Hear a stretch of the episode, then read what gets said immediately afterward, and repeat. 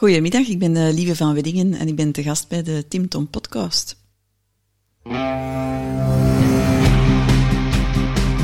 Welkom bij de Tim Tom podcast. Ik ben Timothy. En ik ben Tom. Samen zijn wij jouw GPS naar geluk en succes. Dag lieve luisteraar. Ik kan me zo maar voorstellen dat je tijdens het luisteren van deze podcast plotseling zin krijgt om van alles op te schrijven. Wat zou jij nu werkelijk willen met al die inspiratie en al die inspirerende gasten? Maar dat is nogthans helemaal niet nodig. Oeh, dat is niet nodig. Hé, hey, kan ik dat niet allemaal niet onthouden? Ze? En uh, wie gaat dat opschrijven voor mij? De kaboutertjes misschien? Nee, maar dat hebben wij al voor jou gedaan. Surf naar www.timtompodcast.com en daar vind je een blog boordevol tips en wijze inzichten van onze gast. En als je er dan toch bent, download dan meteen ons gratis e-book vol boekentips, luistertips en nog meer inspiratie voor jouw persoonlijke groei. Dag lieve luisteraars, welkom bij alweer een nieuwe aflevering van de Tim Tom podcast. En vandaag hebben we een ravissante blondine uitgenodigd. Ik wist niet eens dat een bestaand woord was, Tom. Ravissant. Ja. ja, ik heb er ook even uh, moeten, uh, ja, lang uh, speelwerk. oh, ik krak al niet meer uit mijn woord. dat is omdat er zo'n schone verschijning zit. Ik, ik durf al niet meer, ik durf ja, al niet meer naar haar kijken, want ik krak al niet meer uit mijn woord. Dus zo erg is het al gekomen. Maar... Als Tom begint te stotteren, dan weet ik hoe laat het is. Ja, ja, ja. Maar jij hebt, jij hebt liever leren kennen op een boekenbeurs? Ja, het was eigenlijk een boekvoorstelling van uh, Muriel Marie, de creatieve generalist. En ik was uh, met een interessante man aan het babbelen. En ineens kwam er een blondine bij staan. Achteraf bleek dat wel dat dat zijn vrouw was of zijn vriendin. en uh, dus, oké, we zijn dan heel even aan het praten. En ik weet niet meer juist over dat ging. En ik zei iets, denk dat trauma of ik weet het niet meer juist.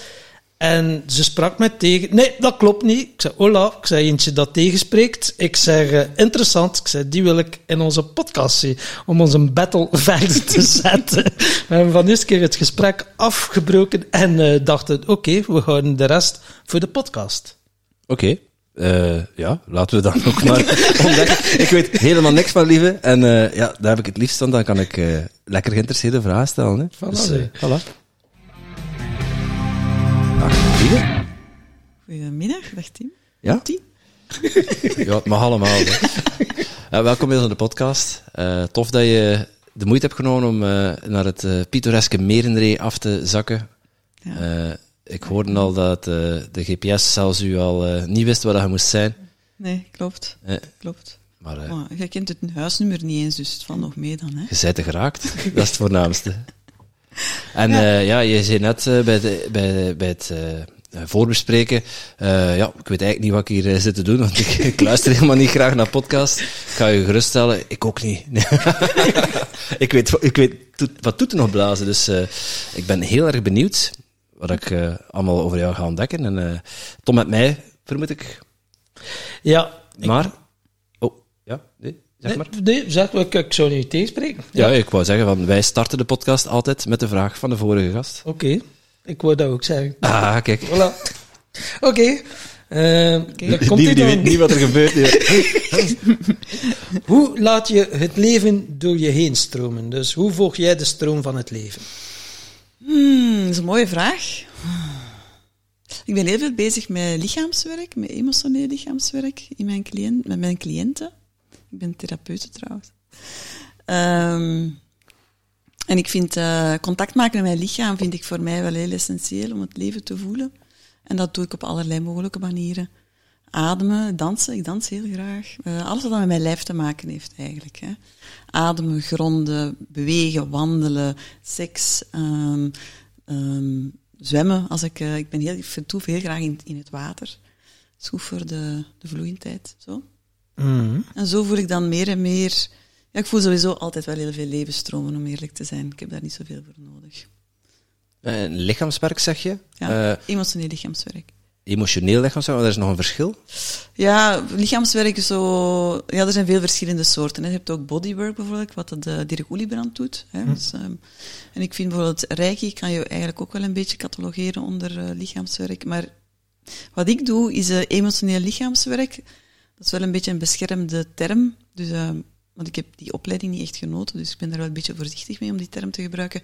Maar waar het in essentie over gaat, is dat, je, dat we vanuit het lichaam eigenlijk um, toegang proberen te krijgen tot emoties die, die we hebben weggestoken.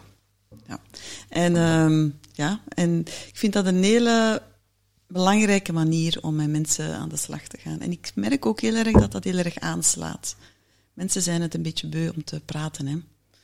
Ik geloof helemaal niet dat we met praten ergens uh, geraken. Nee. Ja, je kunt tot bepaalde inzichten komen met praten, maar je lichaam ligt niet. Hè?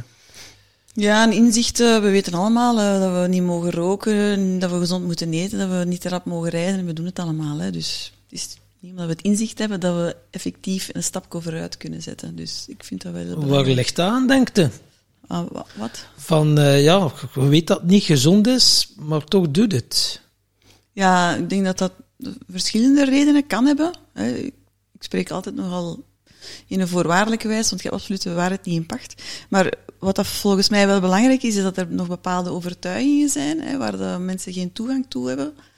En die overtuigingen zijn dan vaak terug te brengen tot de kindertijd. Dus dat is uh, belangrijk, volgens mij. Um, maar ook, ja, er zit zoveel informatie in ons lichaam eigenlijk vast. Waardoor uh, we toch op een of andere manier zeer emotioneel gedreven mensen worden. En om eerlijk te zijn, ik zie mensen als heel instinctief. Hè. gisteren zei nog iemand tegen mij, we zijn eigenlijk dieren. En eigenlijk is dat wel zo. Hè. We kunnen daar heel lyrisch over doen en dat we natuurlijk intellectueel en intelligent zijn en we zo. We blijven zoogdieren. Ja. ja, we zijn dieren. Hè. We, we, proberen dat allemaal een beetje binnen de perken te houden, al dat dierlijk gedrag. Um, maar in wezen zijn we dieren en, en ik denk, en ik zie dat ook, hè, dat we toch heel erg vechten om, om dat allemaal onder controle te houden. Ik heb ooit een, uh, een interview gedaan met Ramo de Boer, een heel interessante man ook, uh, zeer boeddhistisch onderlegd. En hij zei, um, ja, we zijn als mens eigenlijk vol continu bezig om te proberen controle te krijgen over, over van alles. Over onszelf, over het leven, over, wat, over andere mensen, over, over allerlei dingen. En dat is ons eeuwige gevecht. Ja. Dus, ja. Um, voilà. dus ik denk dat dat heel, heel snel, uh, denk ik wel dat dat daardoor komt dat we toch dingen blijven doen, ook al willen we andere dingen doen. Ja, ja, de mensen denken dan ze, ja, veiligheid, maar dat is ook weer zoiets, dat is een illusie en ja. zekerheid. Ja. Want dokter Julian zegt het zo, wat ga je doen? Ga je, uh, kies je voor de illusie van de zekerheid of kies je voor de realiteit van onzekerheid? Mm. En daar comfortabel in zijn. Ja, klopt. Ik ben meer voor dat, dat, dat laatste. Ja, ja, en uiteindelijk komt dat allebei op onzekerheid uit. Mm. Dat is dan ook weer de grap. Mhm. Maar als je er ook be bewust van bent, Mhm. dan is het, en ook bewust bent van het niet weten, Ja. dan kan je pas leven in het moment en kan het stromen. Eh, Ja. Daar ben ik ook ondertussen achter gekomen. Ja, ja, ja en eh, dat je zegt met dieren, eh emotioneel, eh, de emoties ophouden. Een dier, een gazelle dat je aan een leeuw eh, erachter heeft gezeten Mhm. en de leeuw heeft toch niet doodgebeten, maar de leeuw is even weg. Het eerste dat die gazelle doet is Ja. alle emotie uit dat lijf schudden en Ja. dan gaat dat weer verder en dat draagt niks meer mee. Dat heeft geen trauma klopt. meer. Ja, trillen, hè? Ja. Werk jij dat ook op die manier, eh, dat de mensen eh, trillen ja, of, of springen? Trillen. Of, eh, Ja, trillen is, is ook een heel belangrijke techniek eigenlijk. Hè. Het is een techniek in het lichaamswerk, hè, om dat allemaal los te krijgen. Maar ik werk ook heel, uh, ja, heel echt fysiek. Hè. Slaan en roepen. En, allee, we zijn onze stem ook heel vaak kwijt. Hè. Mensen durven niet meer roepen, want ze hebben ons dat afgeleerd als kind. Hè. Sta stil, zwijg, uh, ga zitten op school en zo. Dat is een bekend verhaal. Dus uh, mensen terug hun stem laten gebruiken is, is een hele eenvoudige manier feitelijk, maar wel een hele impactvolle manier om, om mensen echt terug te laten zakken in hun lichaam.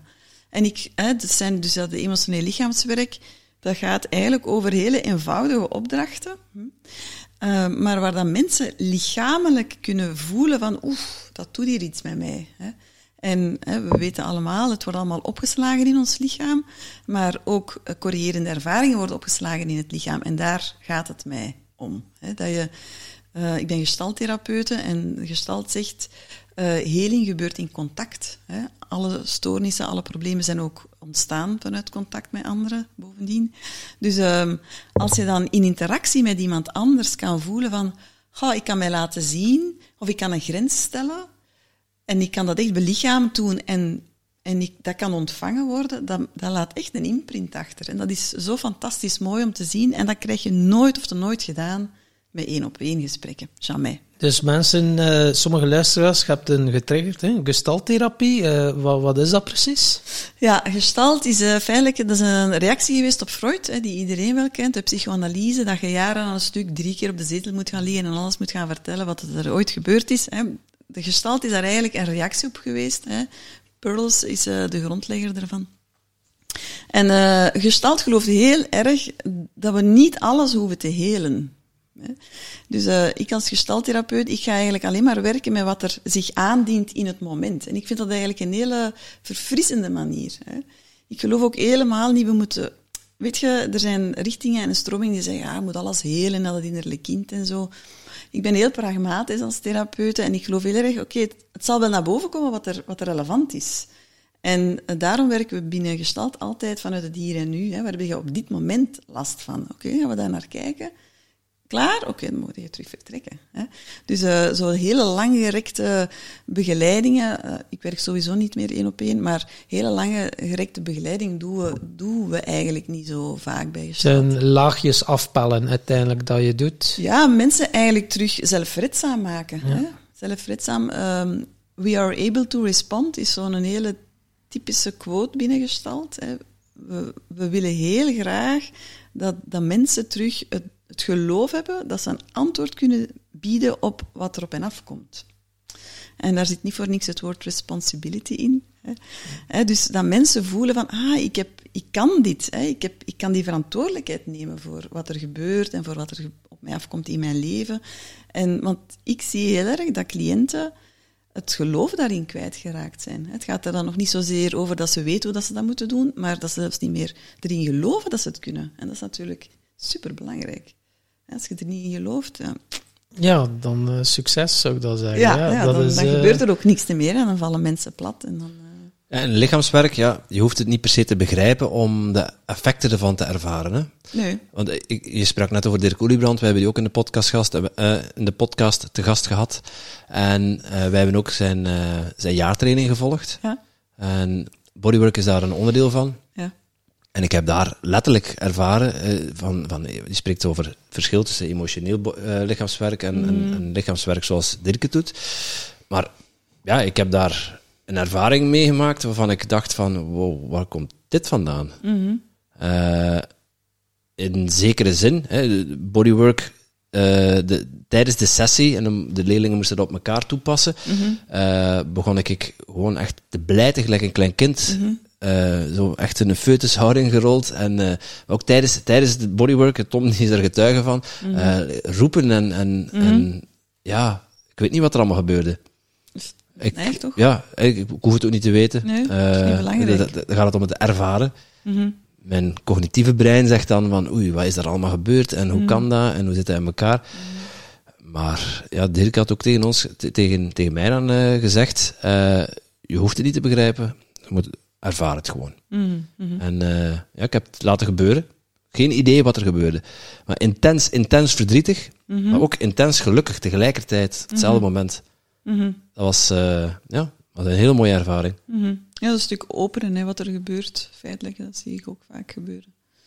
Ik vind dat een hele impactvolle manier om te werken met mensen. Ja. ja. En ik zeg niet dat het uh, gesprek niet belangrijk is. Hè. Natuurlijk is dat nog wel belangrijk, maar alleen dat je komt aan bepaalde lagen kom je, kom je niet nee, aan. Het is gewoon. het verhaal en het wordt gelabeld en uiteindelijk als je het verhaal loskoppelt, ja, die, die kernwond, daar Mhm. is het hem om te doen. En wij hebben er allerlei uh, gedrag rond, uh, ja, perfectionisme of Mhm. uitstelgedrag, om toch maar niet naar die kernwond te moeten gaan. Maar als Mhm. je ja, echt wel lichaamswerk gaat doen, ja, dan uh, ja, ga je werken met wat dat er zich aandient, wat dat er aan de oppervlakte komt. Mhm. Want je lijf is slimmer dan je kop. Mhm. Veel slimmer, ja. Je hoofd is een leugenaar, zeg ik altijd. Ja. Ja, dat is eigenlijk ook Kun, zo. kun je uitleggen? Ja, we zijn vol continu, we zijn heel erg geprogrammeerd, gebrainwashed eigenlijk. Hè. Dus we zijn allemaal gebrainwashed en vanuit onze kindertijd en vanuit ja, overgeleverd uh, trauma van, van generatie op generatie. Dus, dus al die stemmetjes en die zinnetjes en zo, dat doesn't make any sense. Ze zijn eigenlijk ook helemaal niet van, van jou of van jou. Ze zijn gewoon overgeleverd. Dus ja, het gros van wat je hoofd zegt is eigenlijk gewoon complete bullshit. Hè.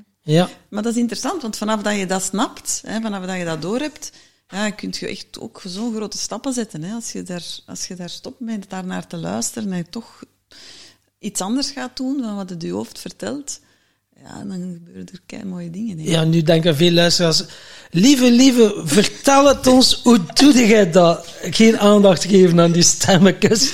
Please help mij, want ja, je kunt het dan wel cognitief snappen, je bent niet je gedachten, maar er is wel nog, uh, ja, ik heb er toch ook uh, iets langer over gedaan uh, dan 40 jaar, om toch als observator naar die stemmetjes te kijken. En ja. oké. Een, een, halve kilo ratten geven in yoghurt morgens. Bijvoorbeeld. maar uh, hoe doe jij dat? Dan zonder rattengif. ja, hoe doe ik dat? Ja, dus dat vraagt natuurlijk veel oefening. Ja. Hè? Het vraagt heel veel oefening. Ik ben, ook, uh, ik ben daar ook heel, uh, zal ik het zeggen, realistisch in. En dat was een beetje onze, onze gesprek uh, op de boekvoorstelling. Oké.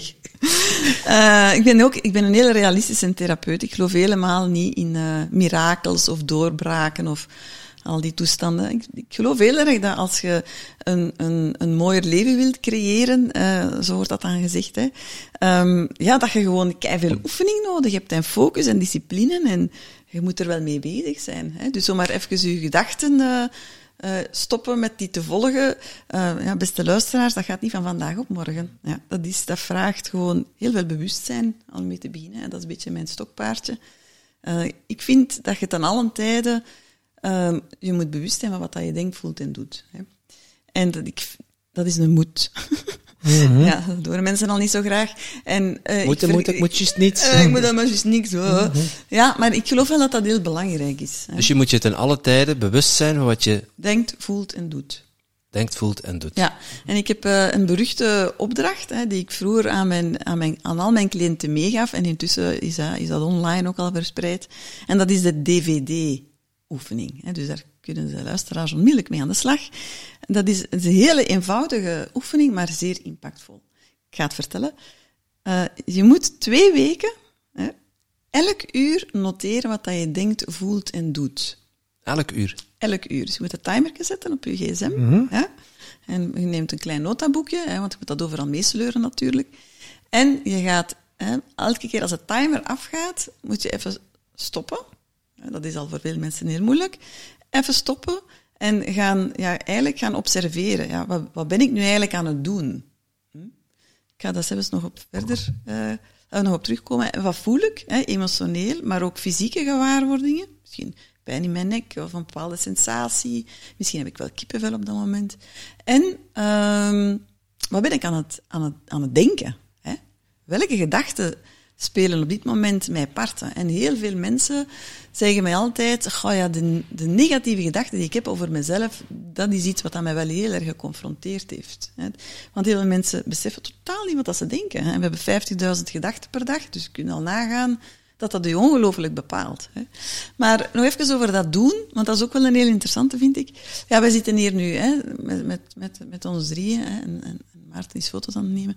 En, um, Dag Maarten. Ja, een mooie foto's nemen. Hè, ja. um, dit is wat we aan het doen zijn. Ja? Maar natuurlijk zijn we ook onder de radar dingen aan het doen. Hè? Want zo zitten mensen nu eenmaal in elkaar. Hè? We, we, manipuleren veel meer dan we willen toegeven. Hè? We, we, misleiden, we verleiden, we leiden, we doen van alles. Hè? En dat vind ik heel boeiend, hè, om die laag dieper te pakken. Van, wat, wat ben je nu eigenlijk echt aan het doen? En ik vraag dat heel vaak, ook als ik met mensen werk. Uh, dat is een, ze kennen mijn vraag al, hè, dan, weet, maar, dan vraag ik altijd, maar, wat ben je nu eigenlijk aan het doen? Want natuurlijk vertonen mensen allerlei gedrag. Zo, uh, uh, uh, niets, niets. niets. ze, ze, vertonen gedrag. Bijvoorbeeld, het typische gedrag is zo... Um, mensen worden vaak geraakt in hun, in hun kindstuk. Hè? Hm. En dan, eh, we kennen dan het, het, hele, het hele fenomeen. Hè? Dan uh, komt het proces op gang en, en, dan wordt er gehuild en wordt daarop ingegaan. En, allez, dat, is een, dat is een hele klassiek patroon eigenlijk, hè, als, je, als je met mensen werkt. Maar wat dat mensen soms niet beseffen, is dat ze iets aan het herhalen zijn. Hè? Dus als je een laag dieper gaat en ik vraag maar wat ben je nu eigenlijk aan het doen? Vaak moeten ze toegeven, eigenlijk wil ik gewoon aandacht. En dat is, dat is veel relevanter dan, dan al, die, al wat daar rond zit. Hè? Dus je moet radicaal eerlijk zijn naar jezelf, van ja. uh, wat ben ik nu aan het doen? Ik ben op social media aan het scrollen, of ben, ben, ben een, tof, ben een toffe doen, post aan het schrijven. Maar wat, wat, wat zijn effectief aan het doen? Ja, uh, aandacht vragen. Ja, dat. of, of afleiding, of, uh, ik wil een dopamine shot. Of mijn, uh, dopamine shot, of ik wil die pijn niet voelen, of ja. een ongemakkelijk gevoel ja, ga exact, verdoven. Exact. En je zegt het juist, Timothy, het is die, die radicale eerlijkheid, ik noem het zelfeerlijkheid. Hè. Dat is ook, um, ik zou er beter een patent op nemen op, op dat woord, maar dat is voor mij in mijn werk cruciaal. En daar, ik denk dat ik daar ook voor bekend ben, hè, dat ik daar altijd ga op, op duwen. Ik, ik, laat me niet zo gemakkelijk van de wijze brengen door het proces en, en de tranen die dan vloeien en zo. Uh, ja. Natuurlijk, ik zie dat wel en ik kan daar wel empathisch uh, over zijn, maar... Daar helpt het niet meer. Even. Ja. Even. Hè. Want um, dat, dat is allemaal oud. Dat is, en eigenlijk brengt, brengt u niks vooruit. Brengt u niks vooruit. En ik denk dat we ten alle tijden toch wel ja, bewust moeten zijn van het feit wat, dat we, wat dat we aan het herhalen zijn. Hè, wat dat we eigenlijk nodig hebben. En als je echt aandacht nodig hebt, vraag het dan. In plaats van dat zo op een, eh, een beetje slinkse manier te doen. Tom, wil jij mij een beetje aandacht geven, alsjeblieft? Eh, nee. Ik voel me wat verwaarloosd. Oké. Okay. Oh, dus ook. Jij zit hier op in die schone ogen te kijken, jij hier. ja, ja, ja. ja. Ik kan ook zelfs al uit mijn woorden. Kijk, ik heb al, ik heb al progressie gemaakt. Allee, stond dan een goede vraag. Ja, inderdaad. Ja, we waren wel met een dvd bezig. Hè. Begin van die... Uh, ik moest u even terug bij de les brengen. Ik was uh, geboeid aan het luisteren. ja, dus dvd. Dus uh, zo, zo kan je dus eigenlijk wel ehm, meer bewustzijn creëren over wat dat je denkt. Hè. Um, nu, jouw vraag was eigenlijk niet um, hoe dat je bewustzijn kunt krijgen, maar wat dat volgens mij wel belangrijk is om los te komen van die gedachten, want daar ging het eigenlijk over, hè, is door contact te maken met je lichaam.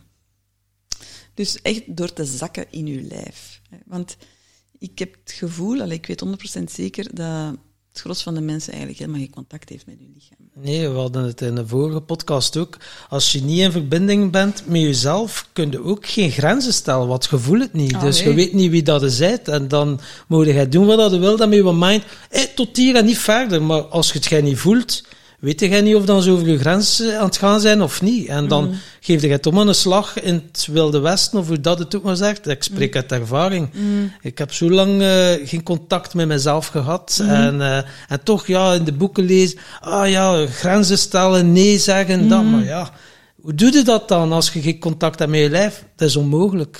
Dat is onmogelijk, want je weet het gewoon niet. En de ene keer zal het juist zijn, de andere keer misschien niet. En dan maakt je zelf nog wat zotter. En dan ziet het er is iets, er is iets mis met mij. Dan mm. begin je echt op die manier te denken. En dan kun je wel de diepere in gaan. Mm. En, uh, maar ik wou nog inderdaad in een dvd... Uh, dus je zegt 14 dagen aan een stuk, elk uur van de dag. Behalve als je slaapt, denk ik dan. Uh, nee, dat hoeft dit dan niet. hoeft dit niet te doen. Nee, nee zo streng dus, ben ik niet. zo ieder uur. Piep, piep, piep,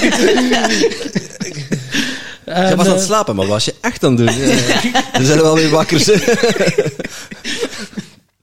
maar dus na 14 dagen, wat hebben de meeste mensen als resultaat? Ja, je, hebt al aan veel mensen die oefening gegeven. Ja. Wat is dan het meest gehoorde resultaat of tot welke vaststelling? Ja, eerst en vooral dus dat hun gedachten overal heel negatief zijn. Dat is op zich, uh, dus daar gaan we dan mee aan de slag. Hè. Hoe, um, hoe kun je dat dan gaan ombuigen naar uh, positievere gedachten? Um, maar vooral vind ik zelf het, de grootste winst is van, van, van die oefening, is dat mensen um, dat meer en meer als een attitude gaan zien. Hè. Ik vergelijk het altijd met, we zijn bezig vol, vol continu met van alles. Hè. Een podcast aan het opnemen, bijvoorbeeld nu.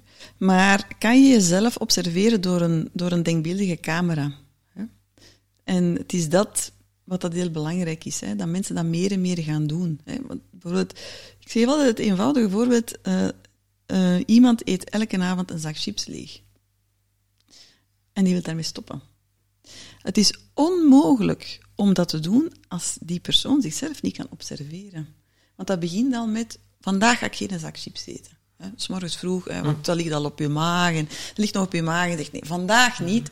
En je kunt dat, je kunt dat op alles toepassen. Hè. Roken, uh, te veel porno kijken, uh, een, een, heel pak Leo's leeg eten. Enfin, zwart. Hè, hoe, het, hoe, het, hè, hoe het u past.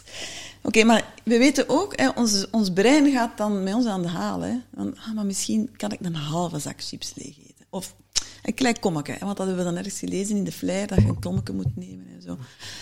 Maar zo gaat hè, ons reptiele brein gaat ons sowieso in die, in die comfortzone duwen van toch een zak chips te licht te eten. Ja? En als je dan niet die camera op hebt staan, voordat je het weet, zitten we in je zetel met die zak chips. Dus er gaan heel veel stapjes vooraf aan het moment dat die zak chips uit de kast komt en dat die wordt opengedaan. En door die camera eigenlijk te installeren en dat als een, een, echt als een levenshouding aan te nemen, vraagt veel oefening uiteraard, ga je zelf kunnen voelen van, ah, maar, ah ja, mijn gedachten komen naar boven. Het is belangrijk dat ik nu iets anders ga doen. Het is belangrijk dat ik eh, mijn zak chips weg, wegleg of hoger leg. Of, er zijn heel veel verschillende manieren om daarmee om te gaan. En het is belangrijk door die camera net hè, dat je al die verschillende stapjes kunt observeren. Dat je eigenlijk dissocieert in NLP-termen. Dus dat je niet kijkt door je eigen ogen, maar dat je jezelf ziet in dat beeld. Ja, ja. en ik zie dat dat voor heel veel mensen veel, ja, veel verandert. Veel verandert. Heel veel verandert. Want het onbewuste gedrag, het is daar waar we altijd tegenaan lopen. Ja, want uiteindelijk als je dissocieert en je bent die observator, ja, dan is het minder heftig dan dat je geassocieerd bent. Want mhm. in een NLP-oefening is het zo, als je bijvoorbeeld in een rollercoaster zit en je doet bijvoorbeeld dat, dat iemand vertelt, hè, je zit in, in het eerste wagonnetje en je kijkt door je eigen ogen en hij gaat omhoog en dan naar beneden. Hoe is die ervaring? Of je ziet jezelf zitten in dat mhm. eerste wagonnetje. Ja. Die beleving is helemaal anders. Natuurlijk. Ja, ja wat, dat, wat dat ook logisch is. Dat is die cameralens waar dat jij het over hebt. Ja, ja. Voilà, kijk. Het heeft dan een naam zelfs. Je had het net over uh, contact, contact, maken met je, met je lijf. Ja. Uh, in je lijfzakken. Ja. maar hoe doe je dat? Hoe, hoe, doe je dat? Ja, want dat is natuurlijk makkelijk gezegd. Contact maken met je lijf. Maar hoe pakken we dat aan? Oké. Um, ook opnieuw vraagt veel oefening. Hè, dus verwacht niet dat van, dat van de eerste keer gaat lukken. Hè. Dat, heeft, dat is iets jarenlang vind ik zelf. Hè. Vooral is het belangrijk dat je werkt aan je gronding. Dat is ook weer zo'n woord. Wat ik daarmee bedoel, is, is dat je echt je geconnecteerd voelt hè, met, met de aarde. Hè. Ik vind de gronding een van de belangrijkste dingen. Hè. Dus veel op de grond zitten, op de grond liggen, onkruid wieden, wandelen, op blote voeten lopen, dansen. Al die dingen zijn allemaal heel grondend. Hè. Um, dat is dat is iets wat je tijd voor moet nemen. Hè. Ik zeg altijd, je moet eigenlijk anderhalf uur per dag voor jezelf uittrekken. Dat is een, minimum. Er komen zeer weinig mensen aan. Dus die gronding is eigenlijk cruciaal voordat je in je lijf kunt komen. Hè. Want je, wat je eigenlijk doet, je gaat eigenlijk met je aandacht, met je energie naar binnen en naar beneden. Hè. Dat, is, dat de beweging die je maakt. Ik kan niet gaan recht staan, anders zou ik het doen. Uh, dus gronding is heel belangrijk. Dat is A. Dat moet je kunnen. B, ademen. Hmm. Veel mensen ademen niet, te weinig, te hoog, te kort, wat is het allemaal? Hè? En de, um, ik besteed daar ook heel veel aandacht aan. Je kunt bijvoorbeeld de 4, 7, 8 ademhaling doen, hè, die de meeste mensen wel kennen. In vier tellen inademen en dan hou je zeven tellen vast en dan adem je in acht tellen uit. En de ontspanning zit hem absoluut in de uitademing. Hmm, ja. Niet in de inademing, want die gebeurt vanzelf. We kennen allemaal het spelletje onze adem inhouden. dat kunnen we lang, maar op een bepaald moment gaat uw, brein toch een signaal geven van ja, nu moet u echt wel inademen, anders gaat het dood. Ja, voilà. Maar, um, dus dat, gaat, dat wordt automatisch gereguleerd door ons, hè, door ons uh, reptiele brein. Maar de, ons zenuwstelsel reageert ontzettend goed op een lange uitademhaling. Dus als we onze ademhaling gaan reguleren, de uitademhaling, dan dan komen we ook al vanzelf meer in ons lichaam. Dat bijvoorbeeld, dat, kun je, dat kan je ook al doen. En dan vind ik het ook heel belangrijk om letterlijk contact te maken met je lichaam. We raken ons lichaam eigenlijk weinig aan. Um, fysieke aanraking. Ja, fysieke aanraking. Ik, heb, ik werk... Uh, ik heb, een, ik heb een jaartraject en we hebben daar ook live dagen in. En dan werk ik echt met de mensen fysiek. En er is een opdracht die vaak terugkomt en die gaat als volgt. En dan zeg ik, oké, raak jezelf aan. Dat is een hele eenvoudige opdracht eigenlijk. Hè. En dan zie ik dat mensen dat beginnen doen. Hè. En dan zeg ik altijd, oké, nu zou ik graag hebben dat je jezelf aanraakt op de manier dat je graag aangeraakt wordt. En dan zie ik altijd dat er iets verandert. Omdat mensen zijn A, niet gewoon om zichzelf aan te raken. Ja, we gaan wel allemaal naar, naar, naar een massage, hè, maar onszelf drie minuten strelen, dat kunnen we niet. Dus uh, echt contact maken met ons lichaam ja, is heel, heel belangrijk om in je lijf te komen. Hè. En um, ja, je kan dat heel sensueel doen als je wilt. Je kunt dat heel rustig doen. Uh, sowieso ben ik heel erg uh, pleiter om altijd heel vriendelijk met je lichaam om te gaan. En um, het is, dat op zich al is al heel helend. Hè. Zie dat heel veel mensen daar heel veel deugd van hebben. En ook heel erg voelen welke vooruitgang dat ze daarin maken. Hè. Dat ze zichzelf durven aanraken. Dat ze alle plekken durven aan te raken. Hè. Um, en dat helpt ook heel erg om, hè, want je had het daar straks over grenzen. Uh, dat helpt ook heel erg om grenzen te kunnen stellen. Als je zelf in je lichaam niet begrensd bent, hoe kan je dan in hemelsnaam grenzen stellen naar iemand anders? Dat gaat gewoon niet. Dus door ons lichaam aan te raken, hè, uh, ja, kan je ook echt veel meer in je lichaam komen. En dat is niet wat je ene keer moet doen. Hè. Nee, dat doe je elke dag. Als je doucht, als je een bad neemt, raak jezelf aan. Het is zo eenvoudig eigenlijk, hè? Uh, maar zo cruciaal.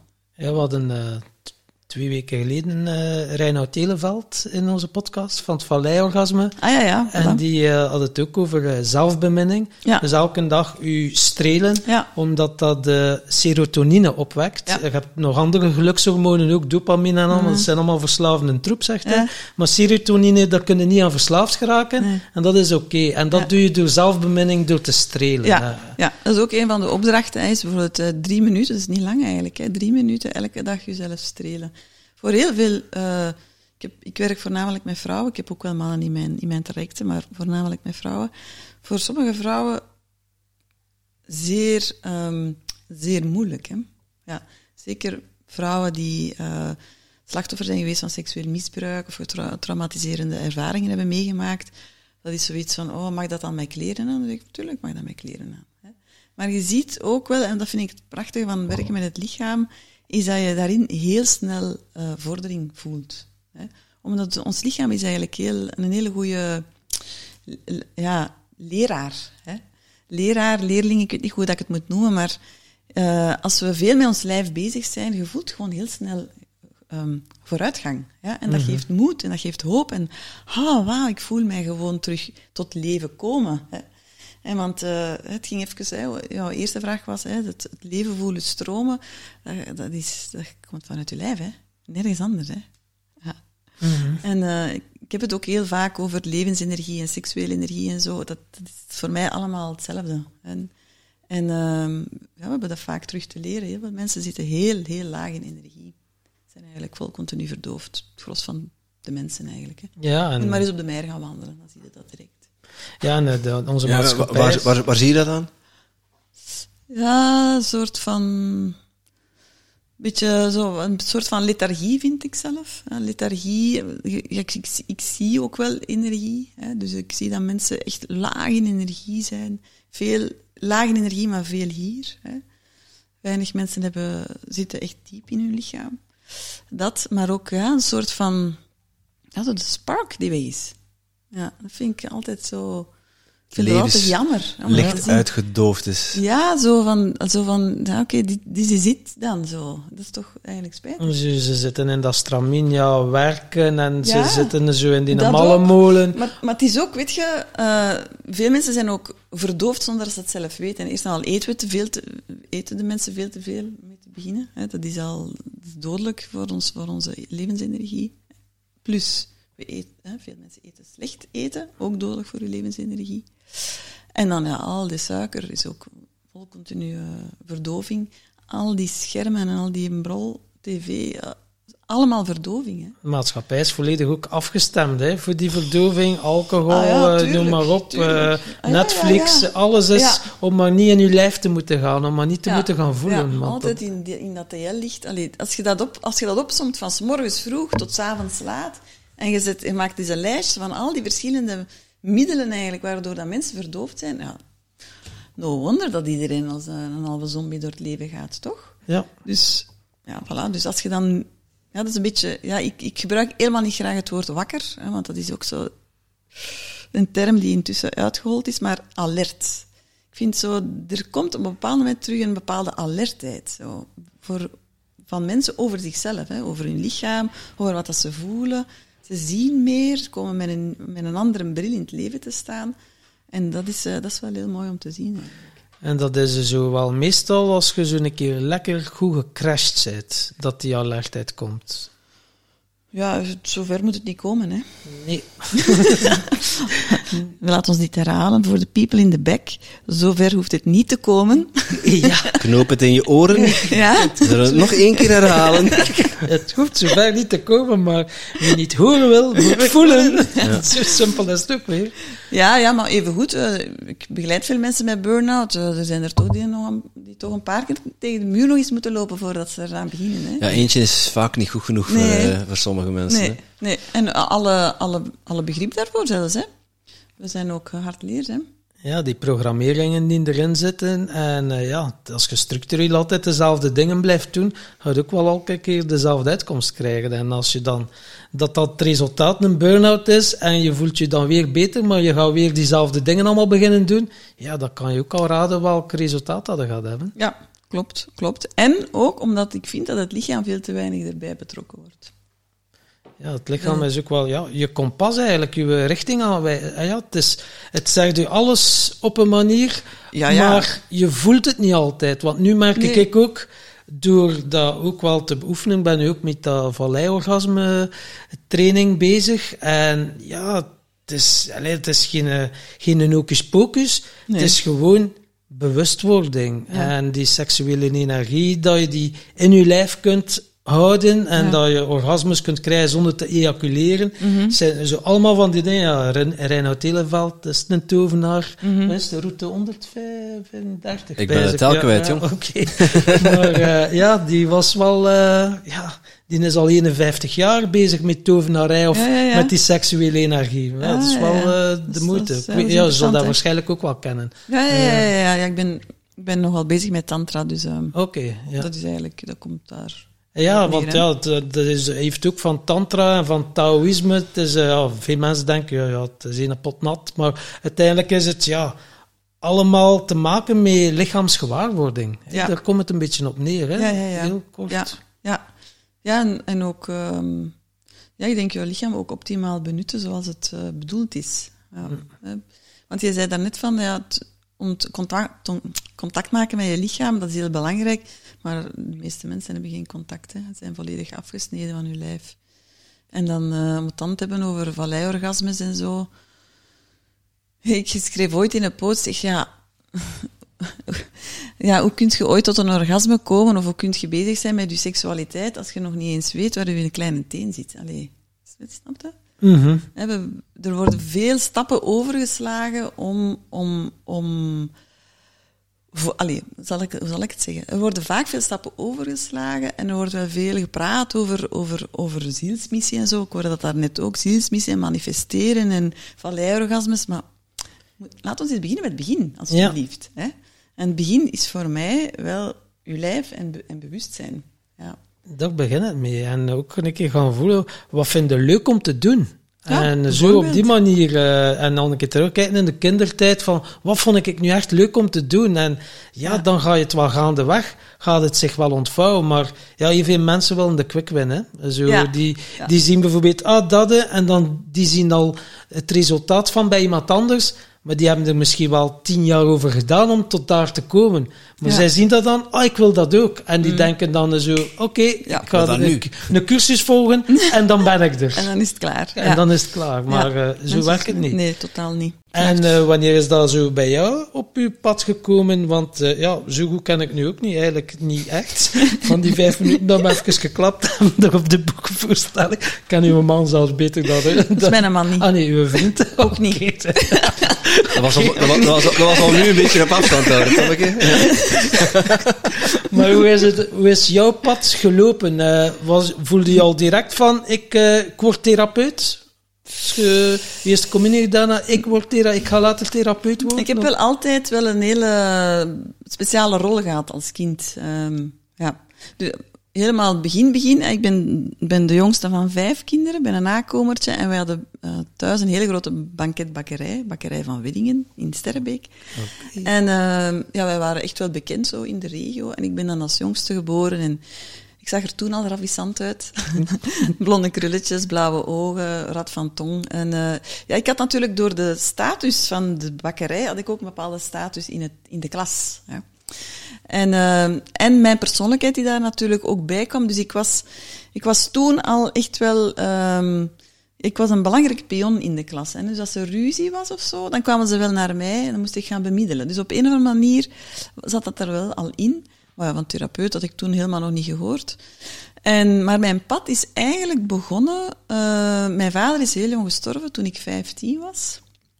Oh, en, dat is heel jong, hè? Dat is heel jong. Hè. Ik was, uh, hij was 58. En uh, dat heeft mij een enorme, enorme slag gegeven. Ik, ik zeg altijd dat dat mijn eerste trauma was. En er was ook helemaal geen, geen goede opvang. Ik had geen goed, geen goed netwerk rond mij. Dus ik ben toen, hè, ah, achteraf bekeken, hè, want um, toen ben ik echt wel in een depressie terechtgekomen. Hè. Dus ik ben echt heel, heel uh, diep gegaan toen. En ik weet nog dat ik tegen mijn zus uh, toen zei, ja, ik, ik was toen 19. Hè. En ik heb toen gezegd, ik ga naar Parijs en ik zie wel wat er daar gebeurt. Eigenlijk was het een beetje een verdoken vorm van, ik ga, ik ga een einde aan mijn leven maken. Hè. En, maar mijn zus was iets, iets, iets wijzer dan dat. Ze wist ook dat ze mij niet van dat plan moest afhalen. Mm -hmm. maar ze heeft toen wel gezegd, ja, misschien kun je toch nog voor je vertrekt nog even een cursus gaan doen. En toen heeft ze mij naar PRH gebracht. Ik weet niet dat jullie PRH kennen. Nee. Ah, nee. Vertel. Mm -hmm.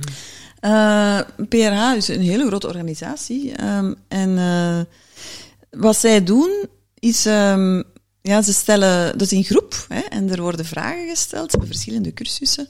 En er worden vragen gesteld en je antwoordt op die vragen als schrijvend. En zo leren een op een bepaalde manier eigenlijk een soort van zelfanalyse doen. Ik was toen twintig als ik daarmee begonnen ben. En um, op een of andere manier raakte mij dat wel, die cursus. Uh, ik ben begonnen bij de Wie ben ik. En dan heb ik zo vijf cursussen op anderhalf jaar tijd gedaan. Dat is echt, wel, dat is echt mijn eerste stap geweest in zelfontwikkeling. En dat heeft, dat heeft mijn leven gered, gered. Ik ben niet naar Parijs gegaan, maar ik heb wel bij mezelf gevoeld van... Oh, my, er is nog iets anders dan donkerte en, en miserie en pijn en verdriet. En ik ben toen helemaal niet diep kunnen gaan, maar wel diep genoeg om overeind te blijven. Hè. En heb je dan uh, verdoofd, uh, hebben ze dan antidepressiva voorgeschreven, of heb je alcohol of drugs, of nee? Niks, heb je niks, gewoon, uh, niks, ja, niks. Ik ga lekker depressief zijn. Ja, ja, ja, maar ja, ik besefte dat niet. Ah, nee, tuurlijk niet. Ja, ja, ja maar veel mensen zouden die pijn zoiets hebben van, ja, ik ga dat hier toch... nee. Oh, nee, ik, nee, ik was, uh, nee, ik was gewoon, ik was een, ik was een jong kind. Allee, jong, ik vind, ik vind jongeren, hè. Ja, ja, ja. Zoals zoveel jongeren nu worstelen met, uh, met depressie. Het was jouw zus die jou tipte voor, uh, voor die PRH, PRH-training te volgen. Ja. moest ze dat niet gedaan hebben, dan hadden wij nu dit gesprek niet gevoerd. Mogelijks. Mogelijks. Ja. Ze stond echt op het randje om... Ja, ik was wel van plan om te vertrekken. Ja. Ik was van plan om te vertrekken. Ja, en ik ik had daar geen duidelijk beeld over, maar ik was, niet, ik was heel uh, naïef. Dus ja, ik had dat zeker niet overleefd. Ik had dat zeker niet overleefd. Maar ik, allee, op dat moment was ik me allemaal niet zo bewust van. Hè. Allee, ik zat echt, allee, ik weet niet dat er hier al iemand een depressie gehad heeft, maar een echte diepe depressie is gewoon is alleen maar donkerte, hè, is leeg. Van dichtbij meegemaakt, ja. niet, niet zelf ervaren. Nee, maar, uh... Ja. En, uh, en, er heeft ook niemand tegen mij gezegd, je zit in een depressie of zo. Hè. Ik ben wel drie keer naar een psycholoog geweest. Ja, laat ons daar maar over ophouden. dat was niet succesvol. Na drie sessies vond hij het wel oké dat ik terug mocht vertrekken. Um, ja, maar dat heeft wel uh, dat heeft veel teweeggebracht bij mij. Hè. Dat heeft echt wel zo... Dat heeft mij op een of andere manier um, bewuster gemaakt. Hè. En dan, uh, ik ben gewoon blijven stappen op mijn weg. En dan een, heel, een volgend uh, stukje wat dat heel belangrijk is geweest. Uh, ik ben van opleiding leerkracht, juf, lager onderwijs, heb ik nooit lang in gewerkt. Maar ik ben dan de privé gestapt. En dan uh, had ik gesolliciteerd voor een job als software trainer. Ik, ben vijf, ik was 4, 4, 25 zo. En er was ene collega, en dat was een NLP-trainer. Uh, ja. En die, had mij, die heeft mij opgeleid zo. En die heeft bij mij ook zoiets laten, al heeft iets in gang gezet bij mezelf. En zo zijn er verschillende, eigenlijk verschillende aspecten geweest in mijn leven, verschillende momenten. Hè. Mensen ook, die op mijn pad zijn gekomen, die op een of andere manier ja, bij mij iets hebben wakker gemaakt, die mij hebben getoond van, wacht eens, er is meer dan wat dat jij denkt dat er is. want ik zie dat ook, veel mensen denken dat waar de realiteit waarin dat ze leven, dat dat de realiteit is. Maar dat is helemaal niet. Dat is maar een stukje van de realiteit. En dan op een dag... Ehm, Intussen had ik al kinderen. Ik ben thuisgebleven voor mijn kinderen ook. En uh, ik was met mijn beste vriendin, zat ik in een speeltuin met de kinderen. En ze hadden zo folderken uit haar, uit haar handtas zo. Zeg, ik zal het nooit vergeten. Zeg, uh, ik ga een opleiding doen, gestaltherapeut. Ik zei, ah, mag ik eens zien? En ik zei, oh, ik ga dat ook doen. Ik had geen idee waar, wat, waarover dat, dat ging. Als jij dat hebt, moet ik dat ook aan. Ja. ja, en ik dan vraagt hij, dat zit om dat met mij te doen? Want ja, dat was een beste vriendin dan. Ja, ja, ja. Maar also, ik ben zo wel iemand. Hè. Ik spring ergens in, ik denk niet veel na. Ik heb weinig angsten ook. Zo ben ik in de cursus Algemeen van Leven van de Couliban Brand. ja, inderdaad. Dat ik hier naar die podcast uh, opname kom, zonder jullie te kennen. Ja, waarom niet? Hè? Het is als je... Allee, zo, je sprak ook uit iemand die over nieuwsgierigheid daar straks. Dat is voor mij mijn, mijn grootste... Ehm, hoe zal ik het zeggen? Uh, zeg het eens. Hij zeg het eens, Maarten. Ah, nee, Maarten. Ja. Troef, dank u wel. dank u. Dank u wel, Maarten. zo, toneel is dat ook zo, een souffleur, hè. Ja, want jij, jij fluistert ook onze vragen. Je gaat dat misschien niet doen. ah, ja, ik dacht dat wel. Mevrouw 131, oh, Reinhard Eleveld. Ja, dank u wel. Het is echt wel de moeite om naar te luisteren, trouwens. Ja. Dus uh, nu bij de, de podcast. Ja. Niet, niet voor u, lieve. Voor mensen die wel geïnteresseerd zijn in de podcast. en ja, die zijn er. Ja. Denk ik. Uh, maar goed, dus nieuwsgierigheid is wel mijn grootste troef. Hè. Dat, en in combinatie dat ik niet zo angstig ben, ja, dat heeft mij al op heel mooie plekken gebracht heeft ook soms iets gevaarlijks natuurlijk. Hè, want ja, nieuwsgierig en niet angstig. Maar bon, dus zo ben ik gestart aan mijn therapieopleiding. En uh, die duurde vier jaar. Elke therapieopleiding duurt vier jaar. En uh, ik ben mijn uh, praktijk gestart in het eerste jaar van de opleiding. Dat was heel atypisch, hadden ze nog niet zoveel meegemaakt. Maar ook daar weer, hè, gaan hè. Allee, wat heb je te verliezen? Niks uiteindelijk. Hè. Ik ben wel gesuperviseerd uiteraard, hè, maar Klopt. op, ja, in mei, ik zal het nooit vergeten, mei 2006 is mijn eerste cliënt eh, bij mij binnengestapt. Wow. En veel mensen denken al, hè, je bent dan de dochter van een, van een bakkerij, je broodje is gebakken. En, uh, Zit er warmpjes bij? dus ik kan gewoon de opvolging en uh, kan ik, ja, broodjes bakken. ja, ik was toch iets ambitieuzer dan dat. Nee, nee, nee. Na de dood van mijn vader is bakkerij ook overgelaten. Okay, dus dat was gelukkig, moest ik daar niet over nadenken. Ja, ja. ja. Maar dus in 2006, terwijl dat je nog aan de opleiding bezig was, of net gedaan? Nee, al nee, direct, eerste jaar. Eerste jaar, en direct, direct al eh, starten. Ja, ja. Ja. en ik ben direct uh, gestart. Hè. Ik, heb, ik had een heel duidelijke niche en dat was, waren de, hè, de moeders die na, na de zwangerschap uh, en na de bevalling eigenlijk, hè, hun emotioneel evenwicht uh, verloren. Dat is eigenlijk mijn... Allemaal dus? Eerste, ja, ja. 70 procent zeg ik. Hè. Um, uh, ja, ik geloof heel erg dat heel veel vrouwen, doordat ze een kind krijgen, ook heel veel verliezen. Hè. Ze komen eigenlijk in een rouwproces terecht. Dat moet daarom nog geen postpartum depressie zijn, maar wel een rouwproces. En ik heb dat dan de mooie term moederrouw gegeven. En uh, ja, daar heb ik toch tien jaar van mijn leven aan, aan, aan gewijd. Boeken erover geschreven, opleidingen gegeven. Allee, ik heb daar veel rond gedaan. En ik, ja, ik ben daar ook echt wel... Ik ben daar heel trots op, want ik heb dat echt wel in Vlaanderen op de kaart gebracht. Nu dat je dat weet, maar maar dat is echt wel heel belangrijk geweest. Hè. Dat is dan opgepikt ook door anderen. En nu is dat, dat werk is klaar. Hè. Ik ben echt wel een pionier. Maar um, ja, daar ben ik heel veel mee bezig geweest. En dat heeft mij veel bekendheid gegeven. En ja, veel mensen denken zo van, ja, ze hebben ook wel een droom of ze volgen een opleiding mm -hmm. en dan gaan ze een andere opleiding volgen, omdat dan, dan ze dan zoiets hebben van, ja, dan moet ik eigenlijk nog niet starten. Ah, ja, ja, ja, dat is ja, nog een opleiding, nog niet nog goed een boek, genoeg. en nog een podcast, en nog een training, en nog een cursus. maar wat, wat, tips kan jij ja, gewoon doen, maar dan, ja, dan ga je uit die comfortzone, hè. Dan, dan is het wel spannend. Hè. Wat, wat kan jij uh, als tip meegeven van buiten, ja, gewoon doen. Zo simpel kan het ook zijn. Maar wat stapjes kan je, kan je, ja, wat stapjes kan je nemen en zo. Want ja, heel veel mensen horen dat. Ik ja, voel, ik, ik wil voel dat hem aankomen, hè, wat je kunt doen, Tom. Ja? Vertel het maar. Ja, ja. Ja?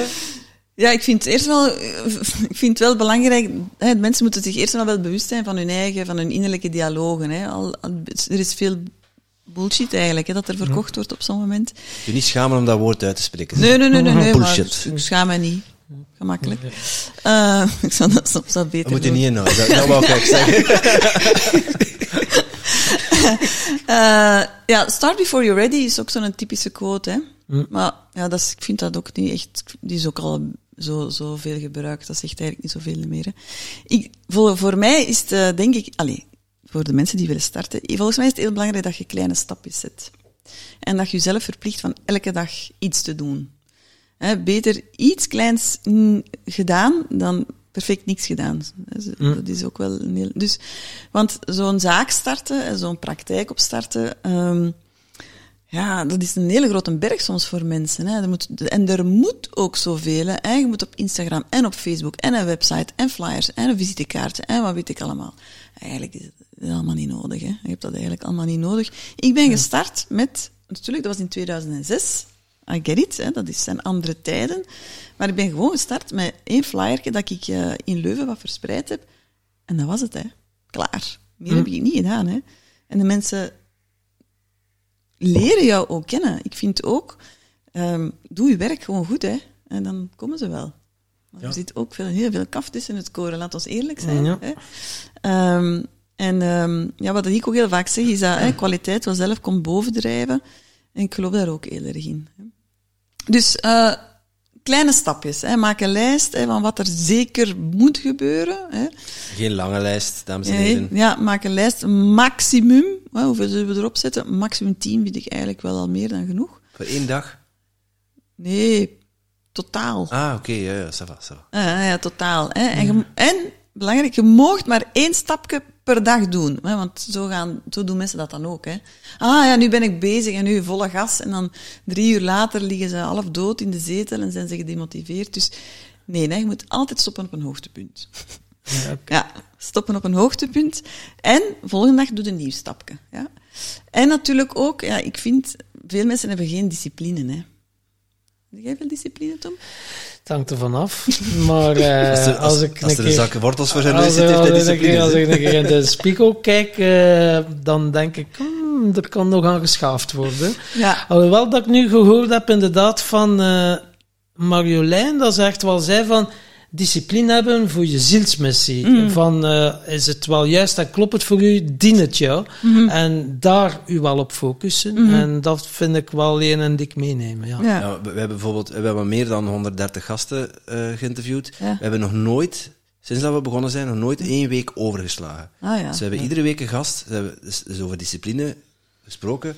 Dat, mag ook, dat telt ook mee, Tom. Ja, ja, Dat dat telt- ook. dat- Ja, dat dus telt ook, ook mee. heeft ook te maken met consequentie natuurlijk. Ja. Hè. Ik heb ook wel een marathon gelopen Ah, ja. als ik zwaar gezopen had. eh, en ik dacht van, nu ga ik in een marathon lopen, stoppen met drinken op zeven maanden tijd. Dus ja, dan had ik ook wel discipline. Goed, goed, dus goed. ik Oké, je bent wel- geslaagd, je Oké, bent geslaagd, ja, dus eigenlijk ja. Ja. Als ik het zo bekijk, heb het ik wel een beetje discipline. Maar eh, ja, veel mensen hebben hun disciplinespier wel een beetje te kweken. Hè. Ja. En dat kun je doen door heel eenvoudige dingetjes, hè, door kleine discipline, noem ik dat. Hè, kleine discipline te koppelen aan gewoontes die je eigenlijk al hebt.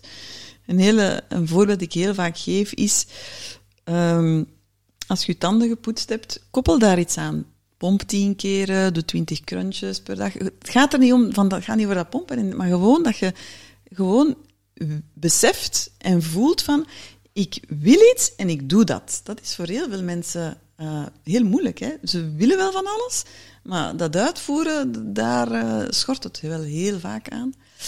Um, dus kleine stapjes, lijstjes maken. Dus maak, elke maak dag het niet te groot. Doe me een beetje denken aan de Atomic Habits, de ja. boek. Ja. Uh, lijkt er heel veel op. Maar dat is eigenlijk, je zegt ook van, dat is de manier om discipline te kweken. Niet te groot maken, Nee. kleine stapjes. En Kleine stapjes. jezelf dwingen om dan ook niet de meerdere stappen tegelijk te Nee, nemen. nee, nee. Want Dus werk je niet half dood, één stapje per dag. één stapje per dag. Het is eigenlijk heel simpel. Het is echt simpel. Eh, ik denk dat we het vaak te moeilijk maken voor onszelf. Vooral voor ons brein maken we het te moeilijk. We moeten ons brein, ons brein een beetje te slim af zijn. Hè? Want ons brein is zo fantastisch. Ehm, dat is belangrijk. Ten tweede, wat ik ook heel belangrijk vind, is die mildheid, hè, waar al, al duizend boeken over geschreven zijn. Dat vind ik ook een beetje... eh, en moest ik altijd mild geweest zijn voor mezelf, van, ah, maar ja, het is met de mantel der liefde, het is niet erg, dan doe het morgen maar, en ja, je hebt het moeilijk, en dat. Dan had ik ook niet gestaan waar ik nu sta. Dus soms is het echt belangrijk dat je zelf een shot onder je gat kunt geven. Keihard zijn voor jezelf. Soms is dat echt nodig. Ja, kijk, heb, ik- heb ik altijd toestemming om... eh, ik heb echt wel moeilijke periodes gehad in mijn leven. Ik had ook niet altijd toestemming om uit mijn bed te komen. Hè. Maar soms moeten zeggen, nu sta uit, nu sta je op, ene voet na de andere, en je gaat wandelen. Hoppa. Ja, die, sommige stappen, als je een eigen zaak wilt opstarten, zijn gewoon oncomfortabel. Really. Het is niet omdat het oncomfortabel is dat je het niet moet doen. Als je altijd het oncomfortabel of het discomfort uit de weg gaat gaan, ja, dan gaat er niet veel veranderen. Hè. Dat is waar, hè. Als je in de comfortzone blijft, eh, ja, die groeigrens ook gaan opzoeken. En eh, Ja. dan gaat uw wereld ook groter worden uiteindelijk. Ja, ja. En ook, hè, die, natuurlijk voel je angst bij bepaalde stappen. Natuurlijk. Allee, natuurlijk. Maar dat wil daarom niet zeggen dat je het niet moet doen. Ja, dokter Juliaan zei het mooi. Vervang dan een keer het woordje bang of angst door spannend. Ja, spannend. Ja, ik vind het spannend om te doen. Of, Of van- exciting. Ja, Of exciting. ja, bijvoorbeeld. Omdat dat hetzelfde energie is. Dat is. Maar het heeft een heel ander gevoel. ja, een terwijl dat over hetzelfde gaat eh, uiteindelijk. Ja. Dus dat is volgens mij ook wel belangrijk. En wat dat volgens mij ook heel belangrijk is, ehm, dat is een goede supportgroep. Ehm, we, willen te vaak de dingen alleen doen. En ik, ik wil daarom niet dat je moet samenwerken of zo. Dat, dat- mag je zelf kiezen. Maar je hebt echt wel supporters nodig. Je hebt mensen nodig die achter u staan, die zeggen, allee, kom aan, en goed bezig. En, en eh, ik zie bij cliënten zeggen vaak, ja, maar ik vind dat ik dat alleen moet doen. Ik moet dat toch alleen kunnen. Maar dat is, allee, waarom eigenlijk? Waarom? En ik zie dat dat... Bullshit. dat- wat zeg je? Bullshit. Ja, dat is ook echt bullshit. En dat is ook, ik, ik, ik wijt dat heel erg aan, aan de opvoeding, de Vlaamse opvoeding. Hè. Onze kinderen worden te vroeg in de zelfstandigheid geduwd, veel te vroeg. En je kunt maar pas eigenlijk in volledige onafhankelijkheid gaan en vanuit die onafhankelijkheid uitreiken naar hulp, als je eerst volledig afhankelijk hebt mogen zijn. En, maar daar loopt het eigenlijk helemaal mis. Hè. En met wie gaat u ook omringen? Hè? Dat zeggen ze ook wel. Je wordt het gemiddelde van Ja. de vijf mensen waar dat het meest mee omgaat. Ja. Gaat u omringen met, met luie mensen? Ja, dan gaat u heel snel in die hypnose ook. En worden Ja. Mm. lui met ongezonde mensen? Of gaat u omringen met, met fitte mensen? En dan, eh, ja, uitzonderingen bevestigen is soms wel een keer de regel. Maar normaal gezien ga je dan ook veel meer kans hebben dat je ook dat gedrag gaat eh, overnemen uiteindelijk. Ja, Ja, mastermind-principe, hè, wat je nu net omschrijft. Hè, eh, omschrijft Napoleon Hill ook in het boek Think and Grow Rich. Eh, een mastermind-principe. Ik heb het zelf toegepast. Ik wilde graag ondernemen. Dus ik heb me om, omringd met mensen die ook graag wilden ondernemen. We hadden een groepje van vijf mensen. eh, en wij motiveerden elkaar om de juiste stappen te zetten in de juiste richting. Ja. Dat helpt echt wel. tuurlijk. Maar dan nog waren we wel op dezelfde nagel aan het kloppen in ons eentje, niet Tom? Ja. Dus nog altijd ieder voor zich. Je helpt elkaar wel, je ondersteunt elkaar. Eh, maar wij kwamen erachter dat we niet gemaakt zijn om dingen alleen te doen. Wij doen liever dingen met twee, en het liefst nog met andere mensen erbij. Dat er nog mooiere dingen ontstaan. Dus eh, het is echt een, een farse, echt, eh, een, hoe zegt Maarten nou zo mooi, een brain fart. Om te denken dat je, dat je dingen zelf moet doen in je Ja. eentje. Ja, bedoel, je kan er nu iets in zijn eentje. Mm Ja. Slapen, dat kun je in je eentje doen. Ja, ja. je kunt nog dingen al in je eentje doen, maar... Ja. ja. als je echt iets voor elkaar wil krijgen, je kunt niet zonder hulp van andere mensen. Want, nee, klopt. Ja, uiteindelijk, we zitten hier in een podcaststudio, we gebruiken hier podcastapparatuur, die is mhm. ook ontwikkeld door andere mensen. Tuurlijk. Dus ik heb die mensen ook nodig om de podcast te kunnen maken. Mm We hebben jou ook nodig om een toffe podcast te maken, want als mm van ons twee alleen moet komen, dan gaat het niet goed komen. nee, ik zeg altijd, eh, je doet het wel zelf, maar niet alleen. En dat is, dat is toch wel een heel belangrijke nuance. En daarom ook, allee, ik heb lang één op één gewerkt, maar intussen doe ik dat niet meer. En ik vind dat net het schone. Hè, dat, uh, ik heb dat een jaar dat heet Deep Dive. En dat, zijn, dat is een grote groep. Hè, dat zijn, maar die deep divers, die hangen echt aan elkaar. Dat is echt een, familie. Hè. Zij noemen zichzelf ook zo. Toen ik daarmee begonnen ben, had ik dat helemaal niet zo sterk uh, voor mij gezien. Maar dat is wel hoe dat, dat gegroeid is. En, en dat kan je in een één op één stukje nooit hebben. Nee, want je, je zit altijd alleen te, te klooien eigenlijk. Hè. Je gaat naar een therapeut, twee weken later stel je daar terug. En wat in die, in die tussentijd? Dus ja, een soort community uiteindelijk. Hè. Is wel belangrijk. Daar ben ik ook achter gekomen. Eén op één. Je gaat ze op een manier wel zelfredzaam maken. Ja. Maar dan is het toch wel belangrijk in de support dat, dat mensen nu toch nog een keer aansporen of zeggen van hé hey, maat, wat, wat ga je ermee doen? Dat, dat je toch een stok achter de deur hebt. Want anders, uh, die oude patronen, je mag dan nog via hypnose of lichaamswerk dat zit er zo ingesleten. Mm. En als het even wat minder gaat of laag in uw energie, is de kans niet onbestaande dat er weer bepaalde ongezonde gewoontes gaat uh, doen. Ja, dat. En anderzijds ook het vieren van successen. Hè? Dat je gewoon... Doe ook te weinig als, uh, ja. als mens. Als mens en als ondernemer. En allee, elke, elke, kleine, elk klein succes is eigenlijk reden tot feest. Hè? Vind ik mhm. zelf. Terwijl je de grond in praten om alle dingen die je niet goed gedaan hebt, daar zijn we meester in. Ja, dat is ook heel uh, goed. Ja. Onszelf een keer een complimentje geven van, uh, amai, Tommeke, we hebben ja. goed, goed gedaan. Ja, goed gedaan. Goed podcast opgenomen. Schouderklopje voor jezelf. Ja, goed gedaan. En hoe doe jij dat? Uh, zo je succesjes vieren? Is dat dan ook schouderklopje geven elke avond of elke ochtend of Fles, elke middag? Flesje wijn erbij. Flesje wijn. Uh, ja, ik shop graag. ja, van alles eigenlijk. Ik, ik, ga graag op weekend, of uh, ik ga naar de zee, of uh, ja, ik, ga eens, ik ga kleren kopen, of ik ga lekker eten. Of, ja, ik ben is dat dan zo bijvoorbeeld dat je een doel stelt en als het is behaald, dan koppelde dat aan, aan iets leuk? Of dat wordt soms ook in boeken geschreven. Hè? Zo van, ja. Als je dat hebt gehaald, dan Kun je dat kleedje kopen of uh, bij de Sergio Herman een keer gaan eten of ik zeg maar iets. Ah ja, maar ik ben nogal een levensgenieter, dus ik vind elke dag wel iets om uh, te, te, vieren. Ja, ja, maar dat is mooi. Dat ja? je echt wel op die manier door het leven gaat. Ja, ja, ja. Ik vind Moeiteloos eigenlijk door het leven gaan. Ja, iemand heeft mij ooit, hoe was het, uh, zei iemand. Ah, dartelend. Dartelend door het leven. Dartelend door het leven. Ja. Mooi. En dat is ook iets wat, dat, dat is echt wel in mijn persoonlijkheid hoor. Um, nu, let op, ik heb ook mijn uh, momenten dat ik denk van, my god, voor een uh, hier nu. Ja, want je kunt zo wel high in je energy zitten, maar dan kom je wel ook in contact met je pijn, je verdriet. Wat ga je dan doen? Ga je dan echt gaan zitten en contact mee maken? En dan vraag ik me af, lukt dat altijd als uh, zo, ja, experte eigenlijk? Of heb je ook wel momenten dat het even, ja, dat je Nee, ik kan, ik kan dat eigenlijk wel goed. Ik ben er ook al lang mee bezig. Hè. Ik, ben, mhm. ik ben 48, dus ik ben bijna 30 jaar bezig met al die hè, persoonlijke groeitoestanden. Um, dus ik ben daar wel goed in getraind. Hè. Maar natuurlijk heb ik ook een, een innerlijke bewakingsfirma. Hè. Mhm. Zoals uh, uh, Jan Mouton kennen jullie misschien ook wel. Op naam wel. Ja, ja um, ik was daar onlangs en hij zei, ja, we gaan uw bewakingsfirma even uh, verlof geven en dan uh, gaan we er eens in vliegen. Ja, ik heb ook een heel sterke bewakingsfirma, hè, dus trommel ook regelmatig extra ploegen op en zo. Maar zo voor de, de, de dag, dagelijkse, hoe zal ik het zeggen, verdriet, pijn, angst, uh, twijfels, onzekerheden, daar kan ik eigenlijk allemaal heel goed aan. En ja, het is ook omdat ik, ik ben heel erg getraind in, in voeling. Ik heb een goed contact met mijn lichaam ook. Dus ik, ik voel dat eigenlijk allemaal wel vol continu. En um, het is er ook heel veel oefening dat ik ook geleerd heb om daar niet in te blijven hangen. Hè. Het is voor heel veel mensen een heel, een heel moeilijke oefening. Hè?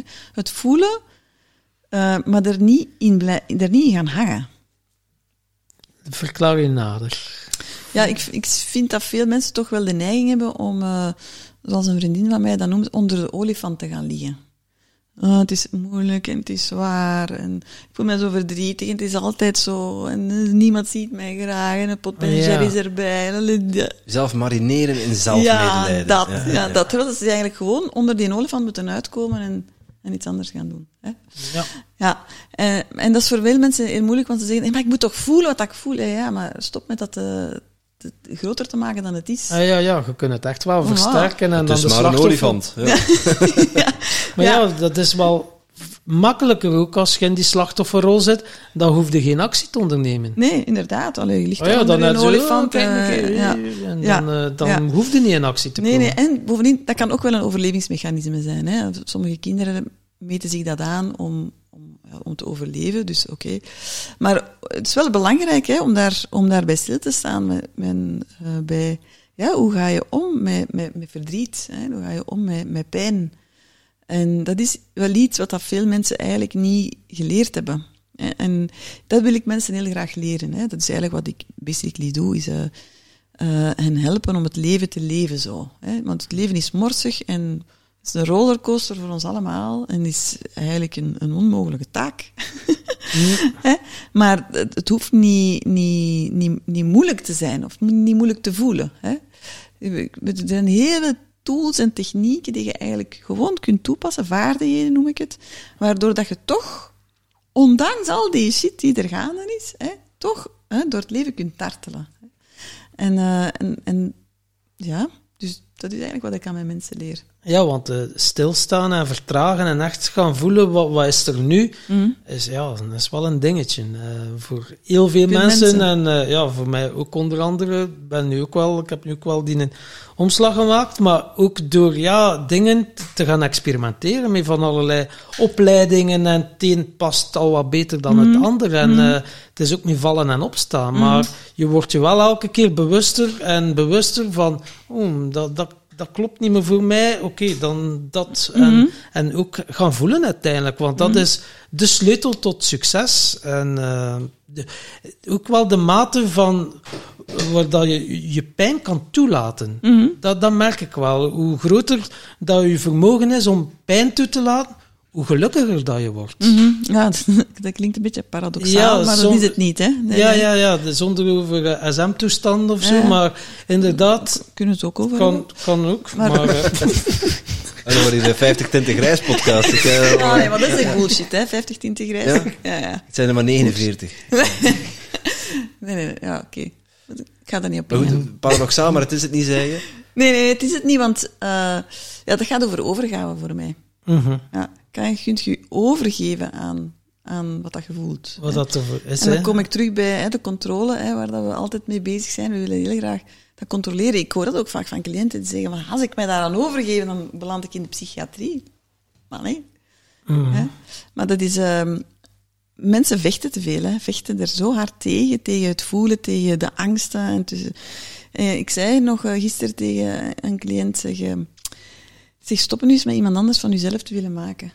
Het is, je helemaal oké okay, zoals je bent, maar je, je hoeft dat niet allemaal anders te willen doen. We, willen, we hebben echt zo'n beeld, en ik ben daar een beetje allergisch aan geworden. We moeten aan heel veel voldoen. Als je kijkt, Instagram en ah, la, We moeten, we moeten hè, zelfliefde en vergeven en ah, wat, wat is het allemaal.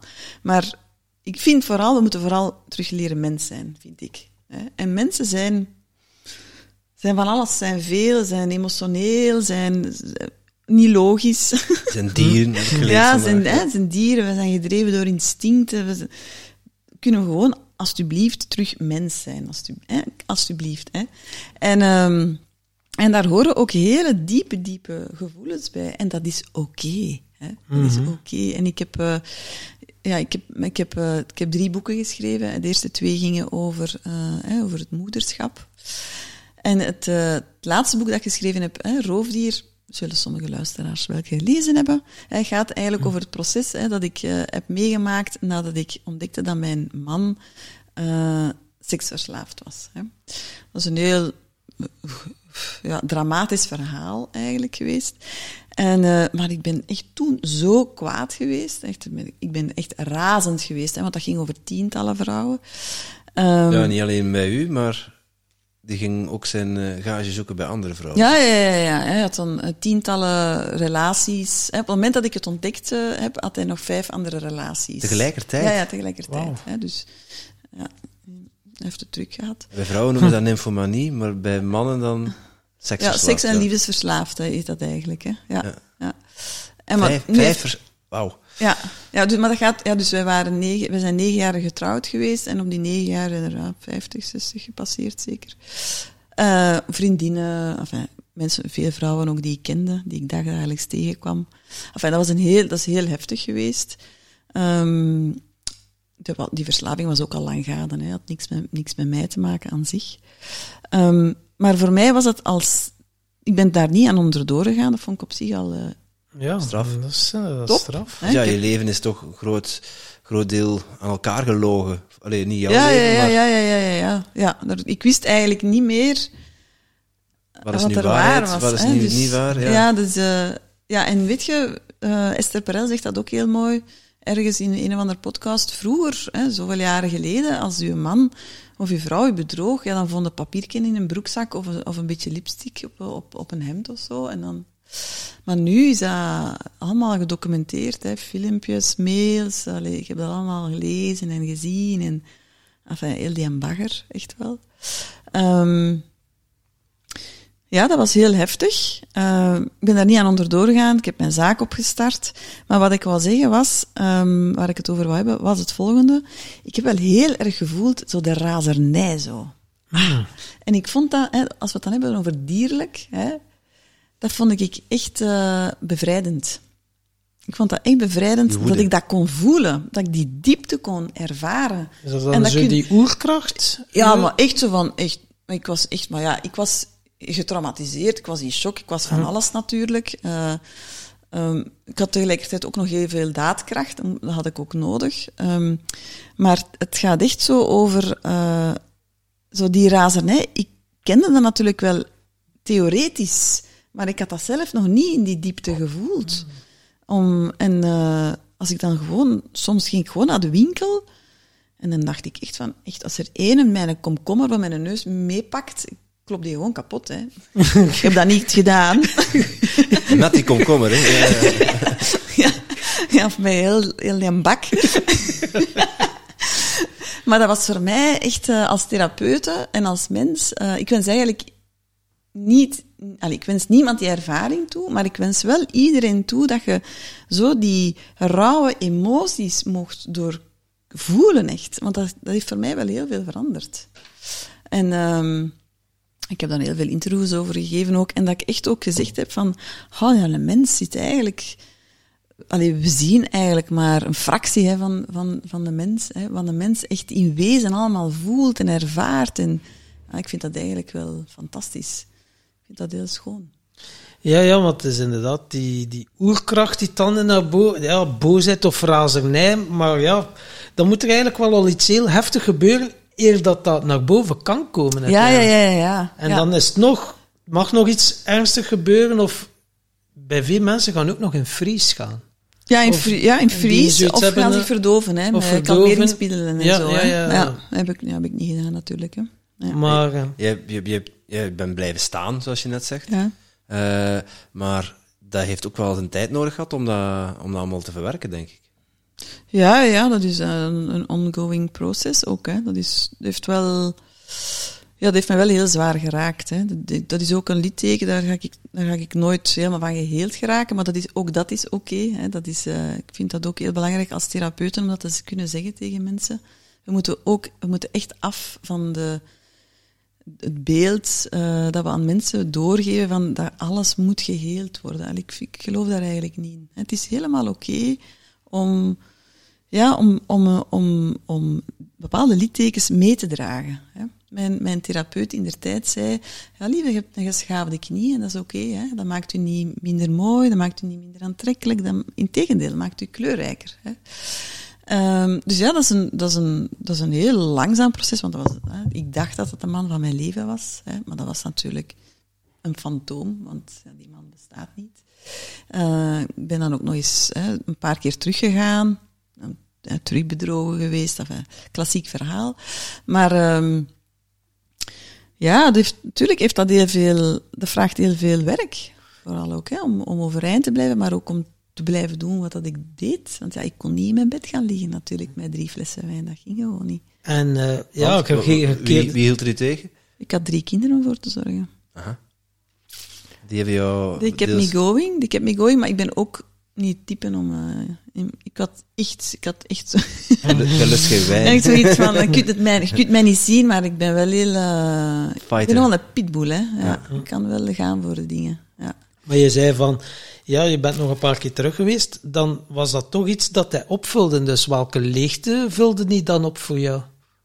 Ja, dat is een, een beetje een kort door de bocht uh, conclusie die je maakt, denk ik. En vooringenomen ook vooral, ja. Ja, ook ja, een aanname eigenlijk. Kunnen we dat noteren. Ja. Nee, nee. Is dat geregistreerd op de band? Maarten, wil jij dat noteren? In kader ook, ja. Nee, nee, maar uh, ik, heb, uh, ja, ik wist niet wat er gaande was in mijn huwelijk. Hè. Hm. Totaal niet. Um, ik had, mijn intuïtie was wel helder, maar uh, die man kan ook heel goed liegen. Heel, heel goed. die kon echt in mijn ogen kijken en zeggen, trust me, I love you. Er is niks aan de hand. Ik heb er heel veel ruzie over gemaakt ook, hè, omdat hè, allerlei uitjes met vrouwen en zo. Dus, maar dus ik wist niet wat er gaande was. Maar ik heb vreemd genoeg wel hele goede jaren gehad ik ben heel gelukkig geweest toen. We, de, we hadden ook een heel florissant leven, we hadden een zaak samen, we hadden vier kinderen samen, dan nog een liefdesbaby daarbij. Um, ja, dus ik denk dat ik, hè, als ik terugging, eerst en vooral ben ik iemand die heel erg gelooft dat mensen kunnen veranderen. Ah, ja. Hm. Anders zou ik niet mijn job doen, dat is één.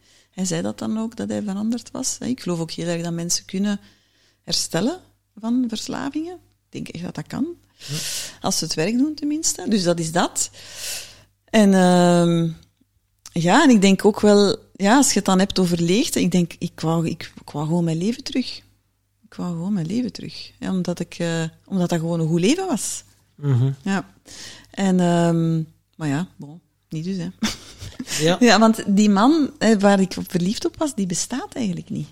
Dat is... Dat is... had een beeld eigenlijk ja, een beeld dat hij gecreëerd heeft. Mhm. Want vanaf het moment dat je dan begint te duwen of zo, hè, heb ik dan echt begon echt wel te zien wat zijn modus operandi was, ja, dan kwam er iemand helemaal anders naar boven. Hè. Ja, dus uh, ik denk dat dat vooral was. Ik denk dat we ook allemaal op zoek zijn naar een, een of andere ja, rust of zo, innerlijke rust, een, een, manier van samenleven met iemand. Ja, met mij, hè, met, ik, er zijn ook kinderen involved, ik heb, ik heb daar een kindje mee ook. Dus uh, ik wou dat wel heel graag herstellen. Ja, en dan uh, hoorden veel dus mensen zeggen ook van, ja, ja, je moet het een plaats geven. Hè. Zoeken zo ah, zijn, ja, kunnen zo, jij geef het hem. Kom, gaan we eens een op, op Maar ja, het is natuurlijk... Waar wilde men? Op je linker of op je rechter oogkas? Ja. maar ja, het is dan natuurlijk wel... Hetgeen wat dat gebeurd is, is gebeurd. Je kunt er niet uitkomen hoe ga je ermee om? Hè? Dus het is wel oké, oké, dat is het trauma, een litteken. Maar ja, het leven gaat wel verder. Hè? Ja, ja. De... Schrijf er een boek over. Oké. dat heb jij gedaan. dat heb ik gedaan, ja. Ik heb veel interviews over gegeven, heeft me ook veel deugd gedaan. Waar ik uh, eigenlijk direct... Wat ik bij mezelf gemerkt heb, en dat is ook wel iets wat dat heel erg uh, typerend is, en ik geloof ook dat dat ook heel helpend is voor mensen, is uh, niet in het slachtofferstuk te stappen. Ik heb eigenlijk op geen enkel moment mezelf afgevraagd waarom ik. Ik vind dat ook een totaal zinloze vraag om u te stellen.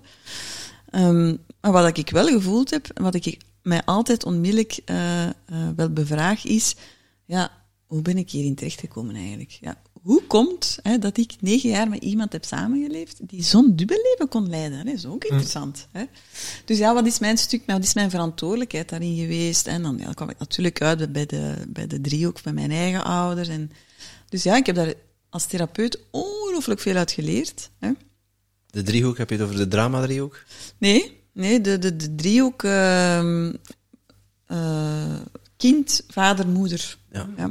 En uh, daar, daar is altijd een dynamiek in. Hè? Er, er, is altijd een dynamiek en dat is met elk kind anders.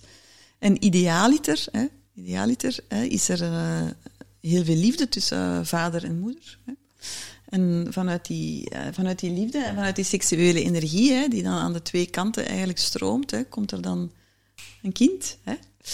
Um, maar het kind staat ten allen tijden eigenlijk onderaan, hè, is, is onderaan aan de driehoek. Hè. Dus je hebt vader, moeder staan bovenaan en dan daar onderaan staat het kind.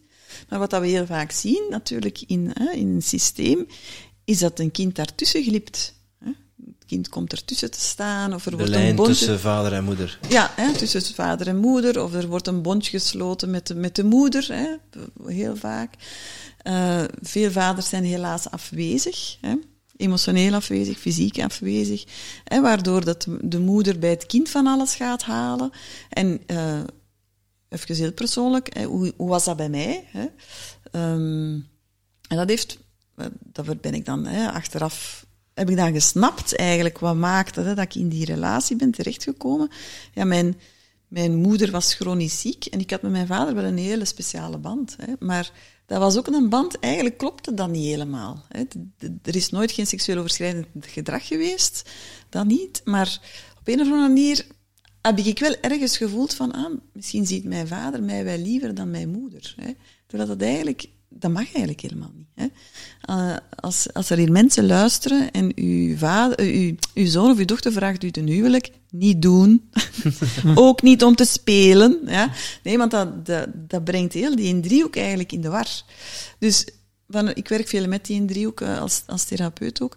Daar kun je heel veel uit leren als je daar naar gaat kijken. Hoe was dat bij mij in mijn kindertijd?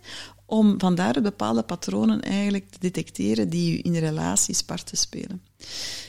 Tussen mijn ouders waren ook veel um, geheimen. Welke doen er niet toe. Um, en er werd ook wel een beetje toneel gespeeld. Hè.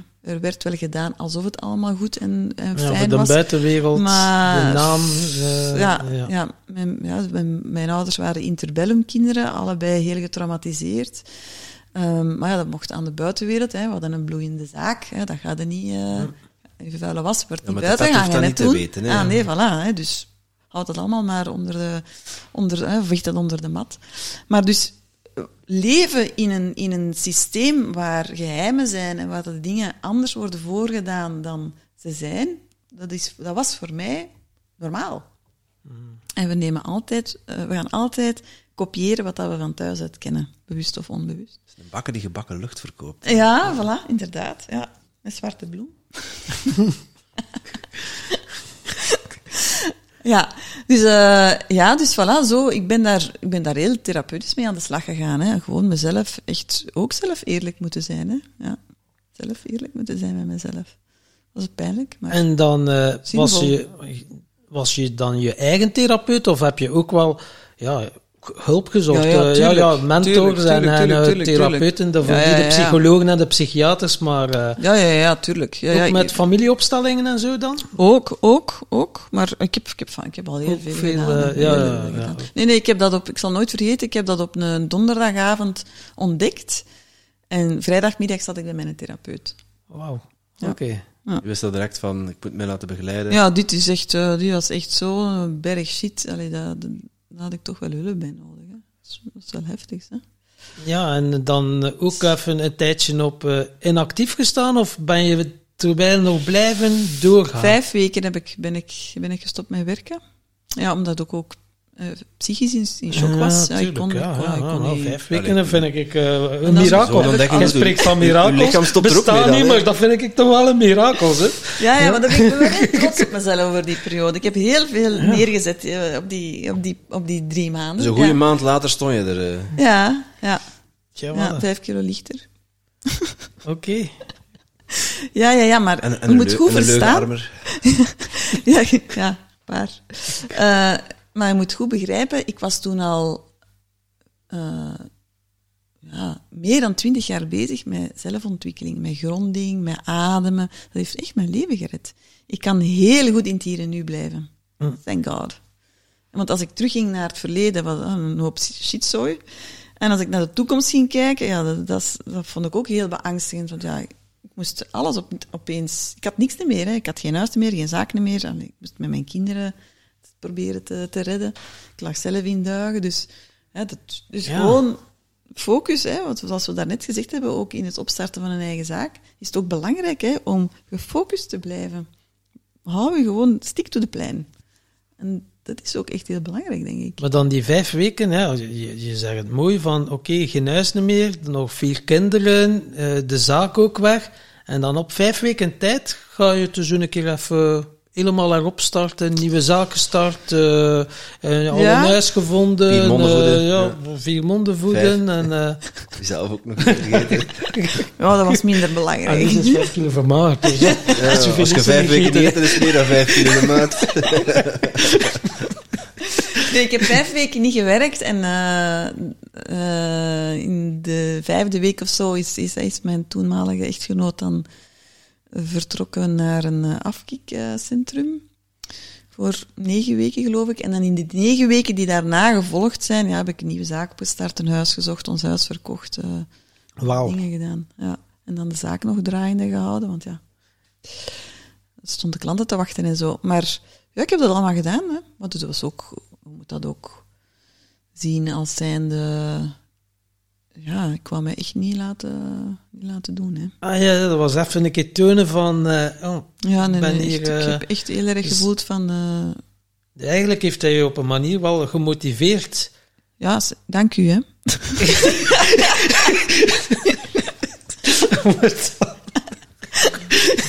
ja. Zo van, ja, ik had bijna zijn naam gezegd. Een keer tonen wie dat je de sterkste is, wie dat sterke geslacht is. Ja, dat voel ik wel heel erg. Maar ik, hm. ik voelde ook wel heel erg zo de...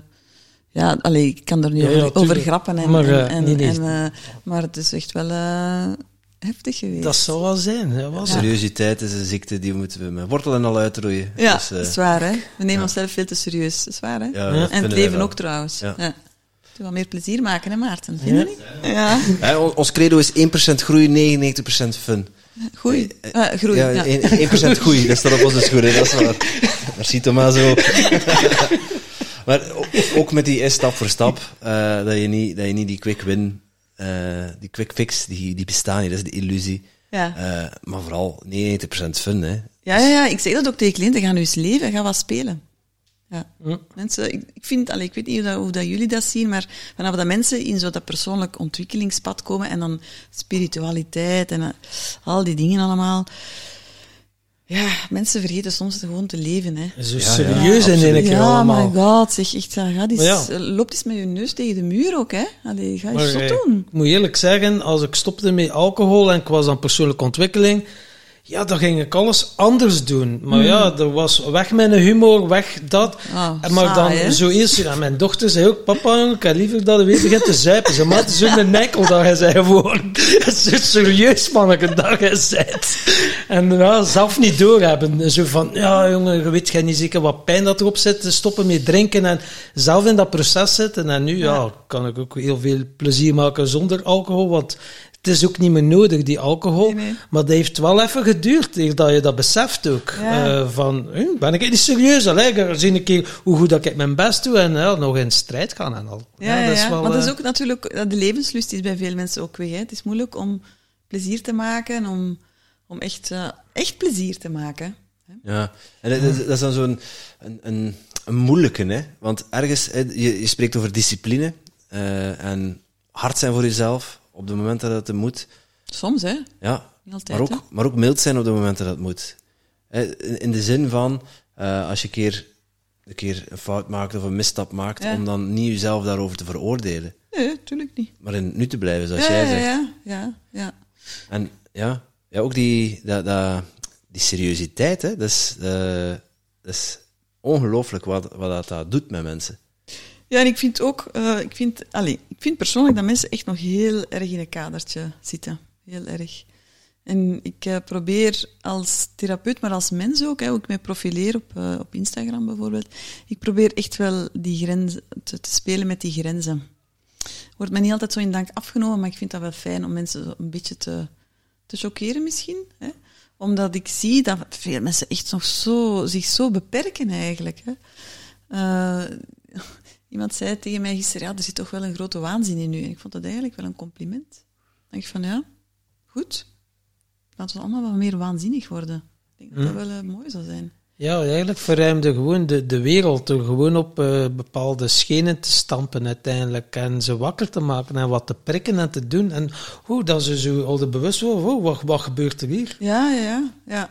Ja, en ook zo, weet je, um, we, we vinden van onszelf allemaal dat we heel ruimdenkend zijn, totdat het puntje bij paaltje komt. Dan... Uh, als het, als het gaat over seksualiteit of zo, of, uh, of relaties, hè, zo de, de grote thema's, of geld. Hè. Dat is nog zo'n interessante. Ja, dan zie ik toch wel dat er nog heel veel normen zijn. En zeker in Vlaanderen zijn er toch wel nog altijd veel normen. Hè. Daar, het mag, maar het mag niet te veel zus en niet te veel zo. Als ik een wat blote po uh, foto post op Instagram, dan is het oeh, dan ben ik twintig volgers kwijt. Allee, zo van die dingen allemaal. Dus ja, ik vind dat heel boeiend om daarmee bezig te zijn.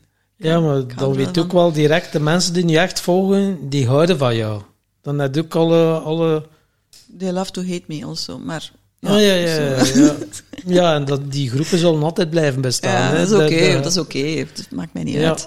Maar daaraan zie je wel dat er, dat er wel... Ja, moet ik het zeggen, dat er nog heel veel groeimarge is eigenlijk. Hè?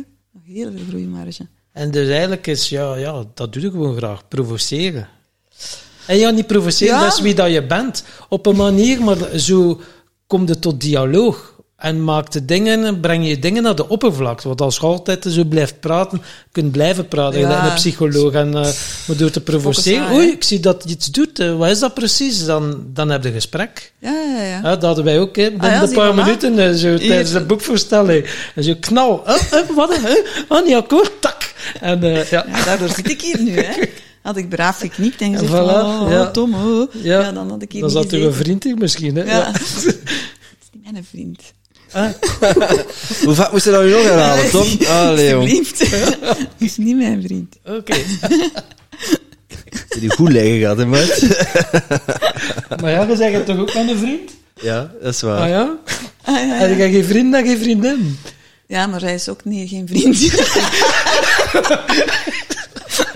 Ja. Snap, je gaat je eigen niet uitredden, Nee, je moet je meerdere erkennen. Oké, ja. Voilà, Daarmee is alles gezegd. Uh, dank je wel. Ja, uh, oké. Nee, uh, we zouden bijna vergeten, maar onze podcast die gaat over geluk en succes. Okay. En wij vragen onze gasten altijd naar hun definitie van geluk en succes. Dus laten we beginnen met geluk. lieve, hoe zou jij geluk omschrijven? Wat is dat voor jou? Oeh, ik vind dat een hele moeilijke vraag. Zijn er mensen die daar onmiddellijk een definitie van kunnen geven? Nee, soms duurt het. Er zijn er die twee minuten stil zijn op dit moment en er zijn er die direct eentje net een mouw schudden. Ah ja. De vorige gast dat was op en het was er. Ah. Geluk is voor mij um, geen doel, alleszins. Voor mij is geluk um, het gevoel hebben dat ik. Um, ik moet er toch even over nadenken, want ik gebruik dat woord niet zo gemakkelijk. Het gevoel, voor mij is geluk wel een gevoel. Laten we daarmee beginnen. Mm -hmm. Ja. Dat zijn we al. dat hebben we al. En um, voor mij heeft dat ook heeft het te maken met dat ik mij verbonden voel met mezelf. Ja? En dat ik mij verbonden voel met anderen. Dat is voor mij geluk. En dat ik ja, toch het gevoel heb dat ik deel uitmaak van een groter geheel. Dat gevoel hebben, ja. Want eigenlijk is het zo. Ja, maar ik, geluk is sowieso voor, sowieso voor mij heel vluchtig. Ja, het is, hm. Voor mij gaat het veel meer over uh, voor zijn geluksmomenten. Allee, geluk is voor mij geen doel in het leven. Mm Maar wat maakt je bijvoorbeeld gelukkig? Oeh, uh, een wandeling aan het strand. ja. Mm. Uh, ja. Uh, ik zie hem al schrijven, check. uh, ja, zo echt zo'n hele fijne babbel. Dit maakt mij ook gelukkig. Ja, dit maakt mij ook gelukkig. Ja, dat maakt ons ook gelukkig om dat te horen. Ja, ja. dit maakt mij ook gelukkig. Waar ik ook heel gelukkig van word, is dat ik het gevoel heb dat ik kan tot uitdrukking brengen wat er van binnen zit. Daar word ik ook heel mm, gelukkig van. Ik ben heel extravert, heel expressief ook. Dus Uh, daar word ik heel gelukkig van. Um, goede seks word ik ook gelukkig van. Veel met mijn lichaam bezig zijn. Zo, dat vind ik, word ik ook heel gelukkig van. Um, echt zo'n nauwe verbinding voelen met mensen. Daar word ik ook heel, heel erg gelukkig van. Zo niet dat oppervlakkigheid, maar zo die nee, hartsconnectie, zo hele pure gesprekken, maar dat, dat je geen, uh, geen masker hoeft te dragen, maar dat je gewoon heel puur de studieronde laat me voorbij gaan en uh, direct uh, ja, ja op zielsniveau of op hartsniveau praten. Ja, maar ik ben ook heel aards. Hè. Ik, ben, ik ben heel gelukkig met mijn huis bijvoorbeeld. Hm. Ik ben net verhuisd, ik ben nog eens een beetje in de, in de witte broodsweken. Um, ja, ik kom ook een beetje uit bij mijn kinderen. Maken mijn kinderen mij gelukkig? Uh, goeie vraag, hè? Ja. Soms. Hm. Soms. Er zijn ook heel veel illusies uh, gesneuveld, denk ik. Um, daar heb ik een heel boek over geschreven, dus dat moeten we dan maar lezen. Um, ik vind ook zo uh, mijn werk aan zich, hè, wat ik aan het doen ben, wat ik aan het neerzetten ben in de wereld, daar word ik ook wel gelukkig van. Mm. ik voel echt wel dat ik daar echt wel juist zit. Ik ben de juiste dingen aan het doen. Um, ik wil heel graag het sportpaleis vullen. Dat is, hè, daar ben ik naar onderweg. Bij deze is dit uh, wow. gezegd. Waterballonnetjes? Of? oh, sorry. Jij moet niet komen. Dus. Maar de piste zijn broek. Hoe lang is het nog maar? Want, want, want het niveau is wel aan het dalen. Ja, ja. Vind ook niet? Het is bijna gedaan, ik ga je troosten. Ja, ja, ja, ja. En met mensen. Ik was mee, het was een grapje. Ja, ja, ja. Ah, ja met mensen, dus kijk, je moet ook al komen. Nee. ja, dus ja, voilà. Mooi. Ja, dus dat maakt mij ook allemaal gelukkig. En wat is dan succes? Klopt. Uh, je hebt uh, fan van onze podcast, aangezien dat je dat weet. Ja, nu heeft het uh, drie ja, minuten geleden gezegd. Ik had dat gepumpt. Ja, ja. Blijven opletten, Tommeke. Nog even, jongen. Je kunt het. Het is een lange dag, hè. Ja, ja. Goed diep doorademen, ja. dat helpt. Um, ja, twee voeten op de grond zetten ah, dan. Okay. Ja, succes. Ik, dat is ook een woord, er is echt al duizend definities van gegeven, denk ik. Maar wat is voor mij succes? Impact is voor mij succes. Mooi. Ja, dat ik met dit bijvoorbeeld, hè, wanneer is, wat, wat, maakt dit, wat zou dit voor mij succesvol maken? Dat, ik, uh, dat, ik, hè, dat mijn boodschap overgekomen is, dat er impact gemaakt is. In alles wat ik doe, wil ik impact. Mooi. Ja, als ik geen impact gehad heb, uh, heeft het voor nu dan eigenlijk? Nee, Allee, serieus. Niet de grijze muis. Wel ja, je gewoon jezelf kunnen zijn en als je daardoor kunt inspireren en mensen kunnen er een inzicht uithalen dat hun leven kan veranderen, ja, dat is het mooiste dat er is. Hè. Ook al is het maar één luisteraar. Uh, ja, het heeft mij ook wel al uh, niet onberoerd gelaten. Ik vind het echt wel... je hebt al impact gemaakt hier, op mij. Maar ik weet niet of een Timothy... Ja, zie je niet? Link, gebroken oorkast. Nee, het was, het was zeker, ja. Het was, het was een toffe podcast. En, uh... Heb je nog niet gedaan, hè, maat? Nee. Maar tot nu toe was het een toffe podcast. Ik vind het nu niet meer zo plezant, eigenlijk. Ja. ja, we moeten ook wel nog... Uh, je mag nog een vraag bedenken voor de volgende gast. Ik weet nog niet wie dat is. Nee. Wat is de zin van het leven? Wat is de zin van het leven? Ik ga dat noteren, zie. Uh, wat is de zin van het leven? Ja. Ja. Wat is de zin van het leven? Wie de bal kaart. ja. ja, ik weet, dat stond op het uh, doodsprintje van mijn vader. mijn zus had dat aan hem gevraagd toen hij stervende was. En uh, ze had gevraagd, wat, is, papa, wat is voor jou de zin van het leven? En hij heeft toen gezegd, elke dag opnieuw beginnen. Ja? Dat is wel uh, mooi ik vond dat eigenlijk wel, uh, ik heb dat wel meegepakt. Hm. Voor mezelf. Ja. Ja, dat is een zin wel die binnenkomt. Eigenlijk heb je elke seconde of elke dag ja, kans om opnieuw te beginnen of andere keuzes te maken. Als je hm. niet blij bent met dat leven, ja, maak dan een andere keuze en, en doe dan iets anders. Doe, dus, dus simpel kan het ook weer zijn. Ja. En, uh, ja, dat is ook zo. Want ik zeg dat ook. Ik zeg dat ook hè. Doe iets. Doe iets. Ja. Stop met zagen en klagen Maar doe iets. Ja. Dan gaat de, voor mijn part elke dag vijf minuten op je hoofd staan. Kan mij niet schelen, maar doe iets. Ja, uiteindelijk is het wel. En als je niet, ja, als je elke keer dezelfde dingen doet en je bent er niet content mee, ja, doe dan iets anders. Hè. Ja, dan, ja, eh. Je kunt elke dag opnieuw beginnen. En Ja, elke dag opnieuw opnieuw. beginnen, ja. Ja. Eh, En wat ik ook vaak zie, is dat, dat mensen zo, er veel te veel over nadenken. Van, wat moet ik dan doen? En als ik dat, is dat nu wel het juiste wat ik ga doen? En, en eh, ik, ik geef altijd de metafoor van op de Vlaamse kermis heb je zo'n een kraampje zo dat je zo aan een touwtje kunt trekken en dan kun je zo een, pakje en dan krijg je de pakje. Flush. Ja. Ah, nee, zo, Nee, de zo kraam- het touwtje, Ja, ja, ja, zo, ja, ja, ja. Maar er hangen zo honderd touwtjes, hè. Maar daar hangen ze van die kleine pakjes aan. Ja. Dus ik zeg altijd, maakt niet uit waarmee dat je begint. Trek maar aan een touwtje. En er komt sowieso wel iets tevoorschijn. Het maakt eigenlijk, het maakt eigenlijk niks uit, hè. Nee. Waarmee dat je begint. Maar doe iets. Altijd prijs. Hè? Het altijd Je hebt prijs. altijd prijs. Je hebt altijd prijs. Als je En niet aan het touwtje trekt, Heb je niks, Nee. heb je niks. En als je één touwtje genomen hebt, en wat, kun je nog altijd een volgende touw, volgende touw nemen. En zo gaat het Ja, dat is weer het experiment van het leven. Hè. Gewoon zien wat dat er op je pad komt. Maar ja, dat kan je doen door in actie te komen. En, eh, Ja, move to action is volgens mij eh, het belangrijkste om te doen. Ja. En je zei daar ook nog iets eh deep dive. Dus dat je zo met mensen deep dive doet. Dat is Ja. een jaartraject. Ja? Kan je daar iets meer over vertellen? Wat houdt dat precies in? Is dat dat- Eh, wat dat in? Dat houdt heel veel in. Dat is een, een therapeutisch jaartraject. Hè. En ik heb tien online modules gemaakt. Die eh, met heel veel video's en opdrachten en een heel dik werkboek en zo.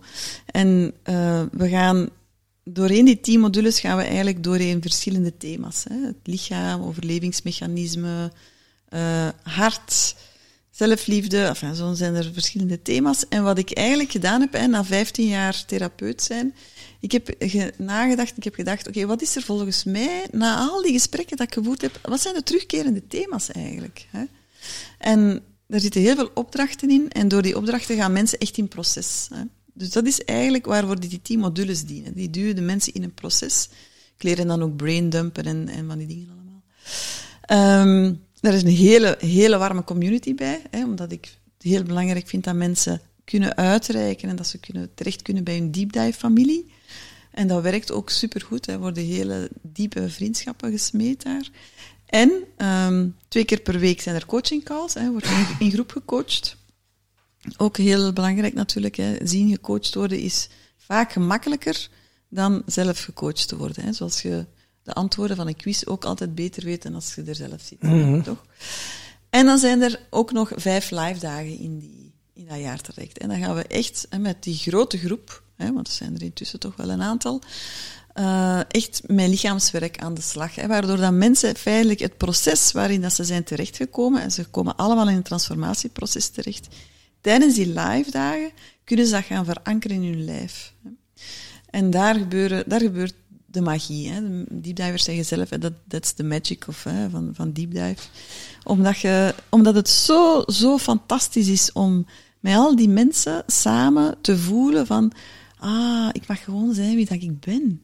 En dit is wie ik ben. Niet die shitzooi waar ik hier al jarenlang mee probeer eh, de wereld rond, rond te komen. Maar dit is echt wie ik ben en dat is oké. Ah, dat is fantastisch. Hè? Dus mensen worden echt wie dat ze zijn. Met alle gevolgen van die natuurlijk. Hè?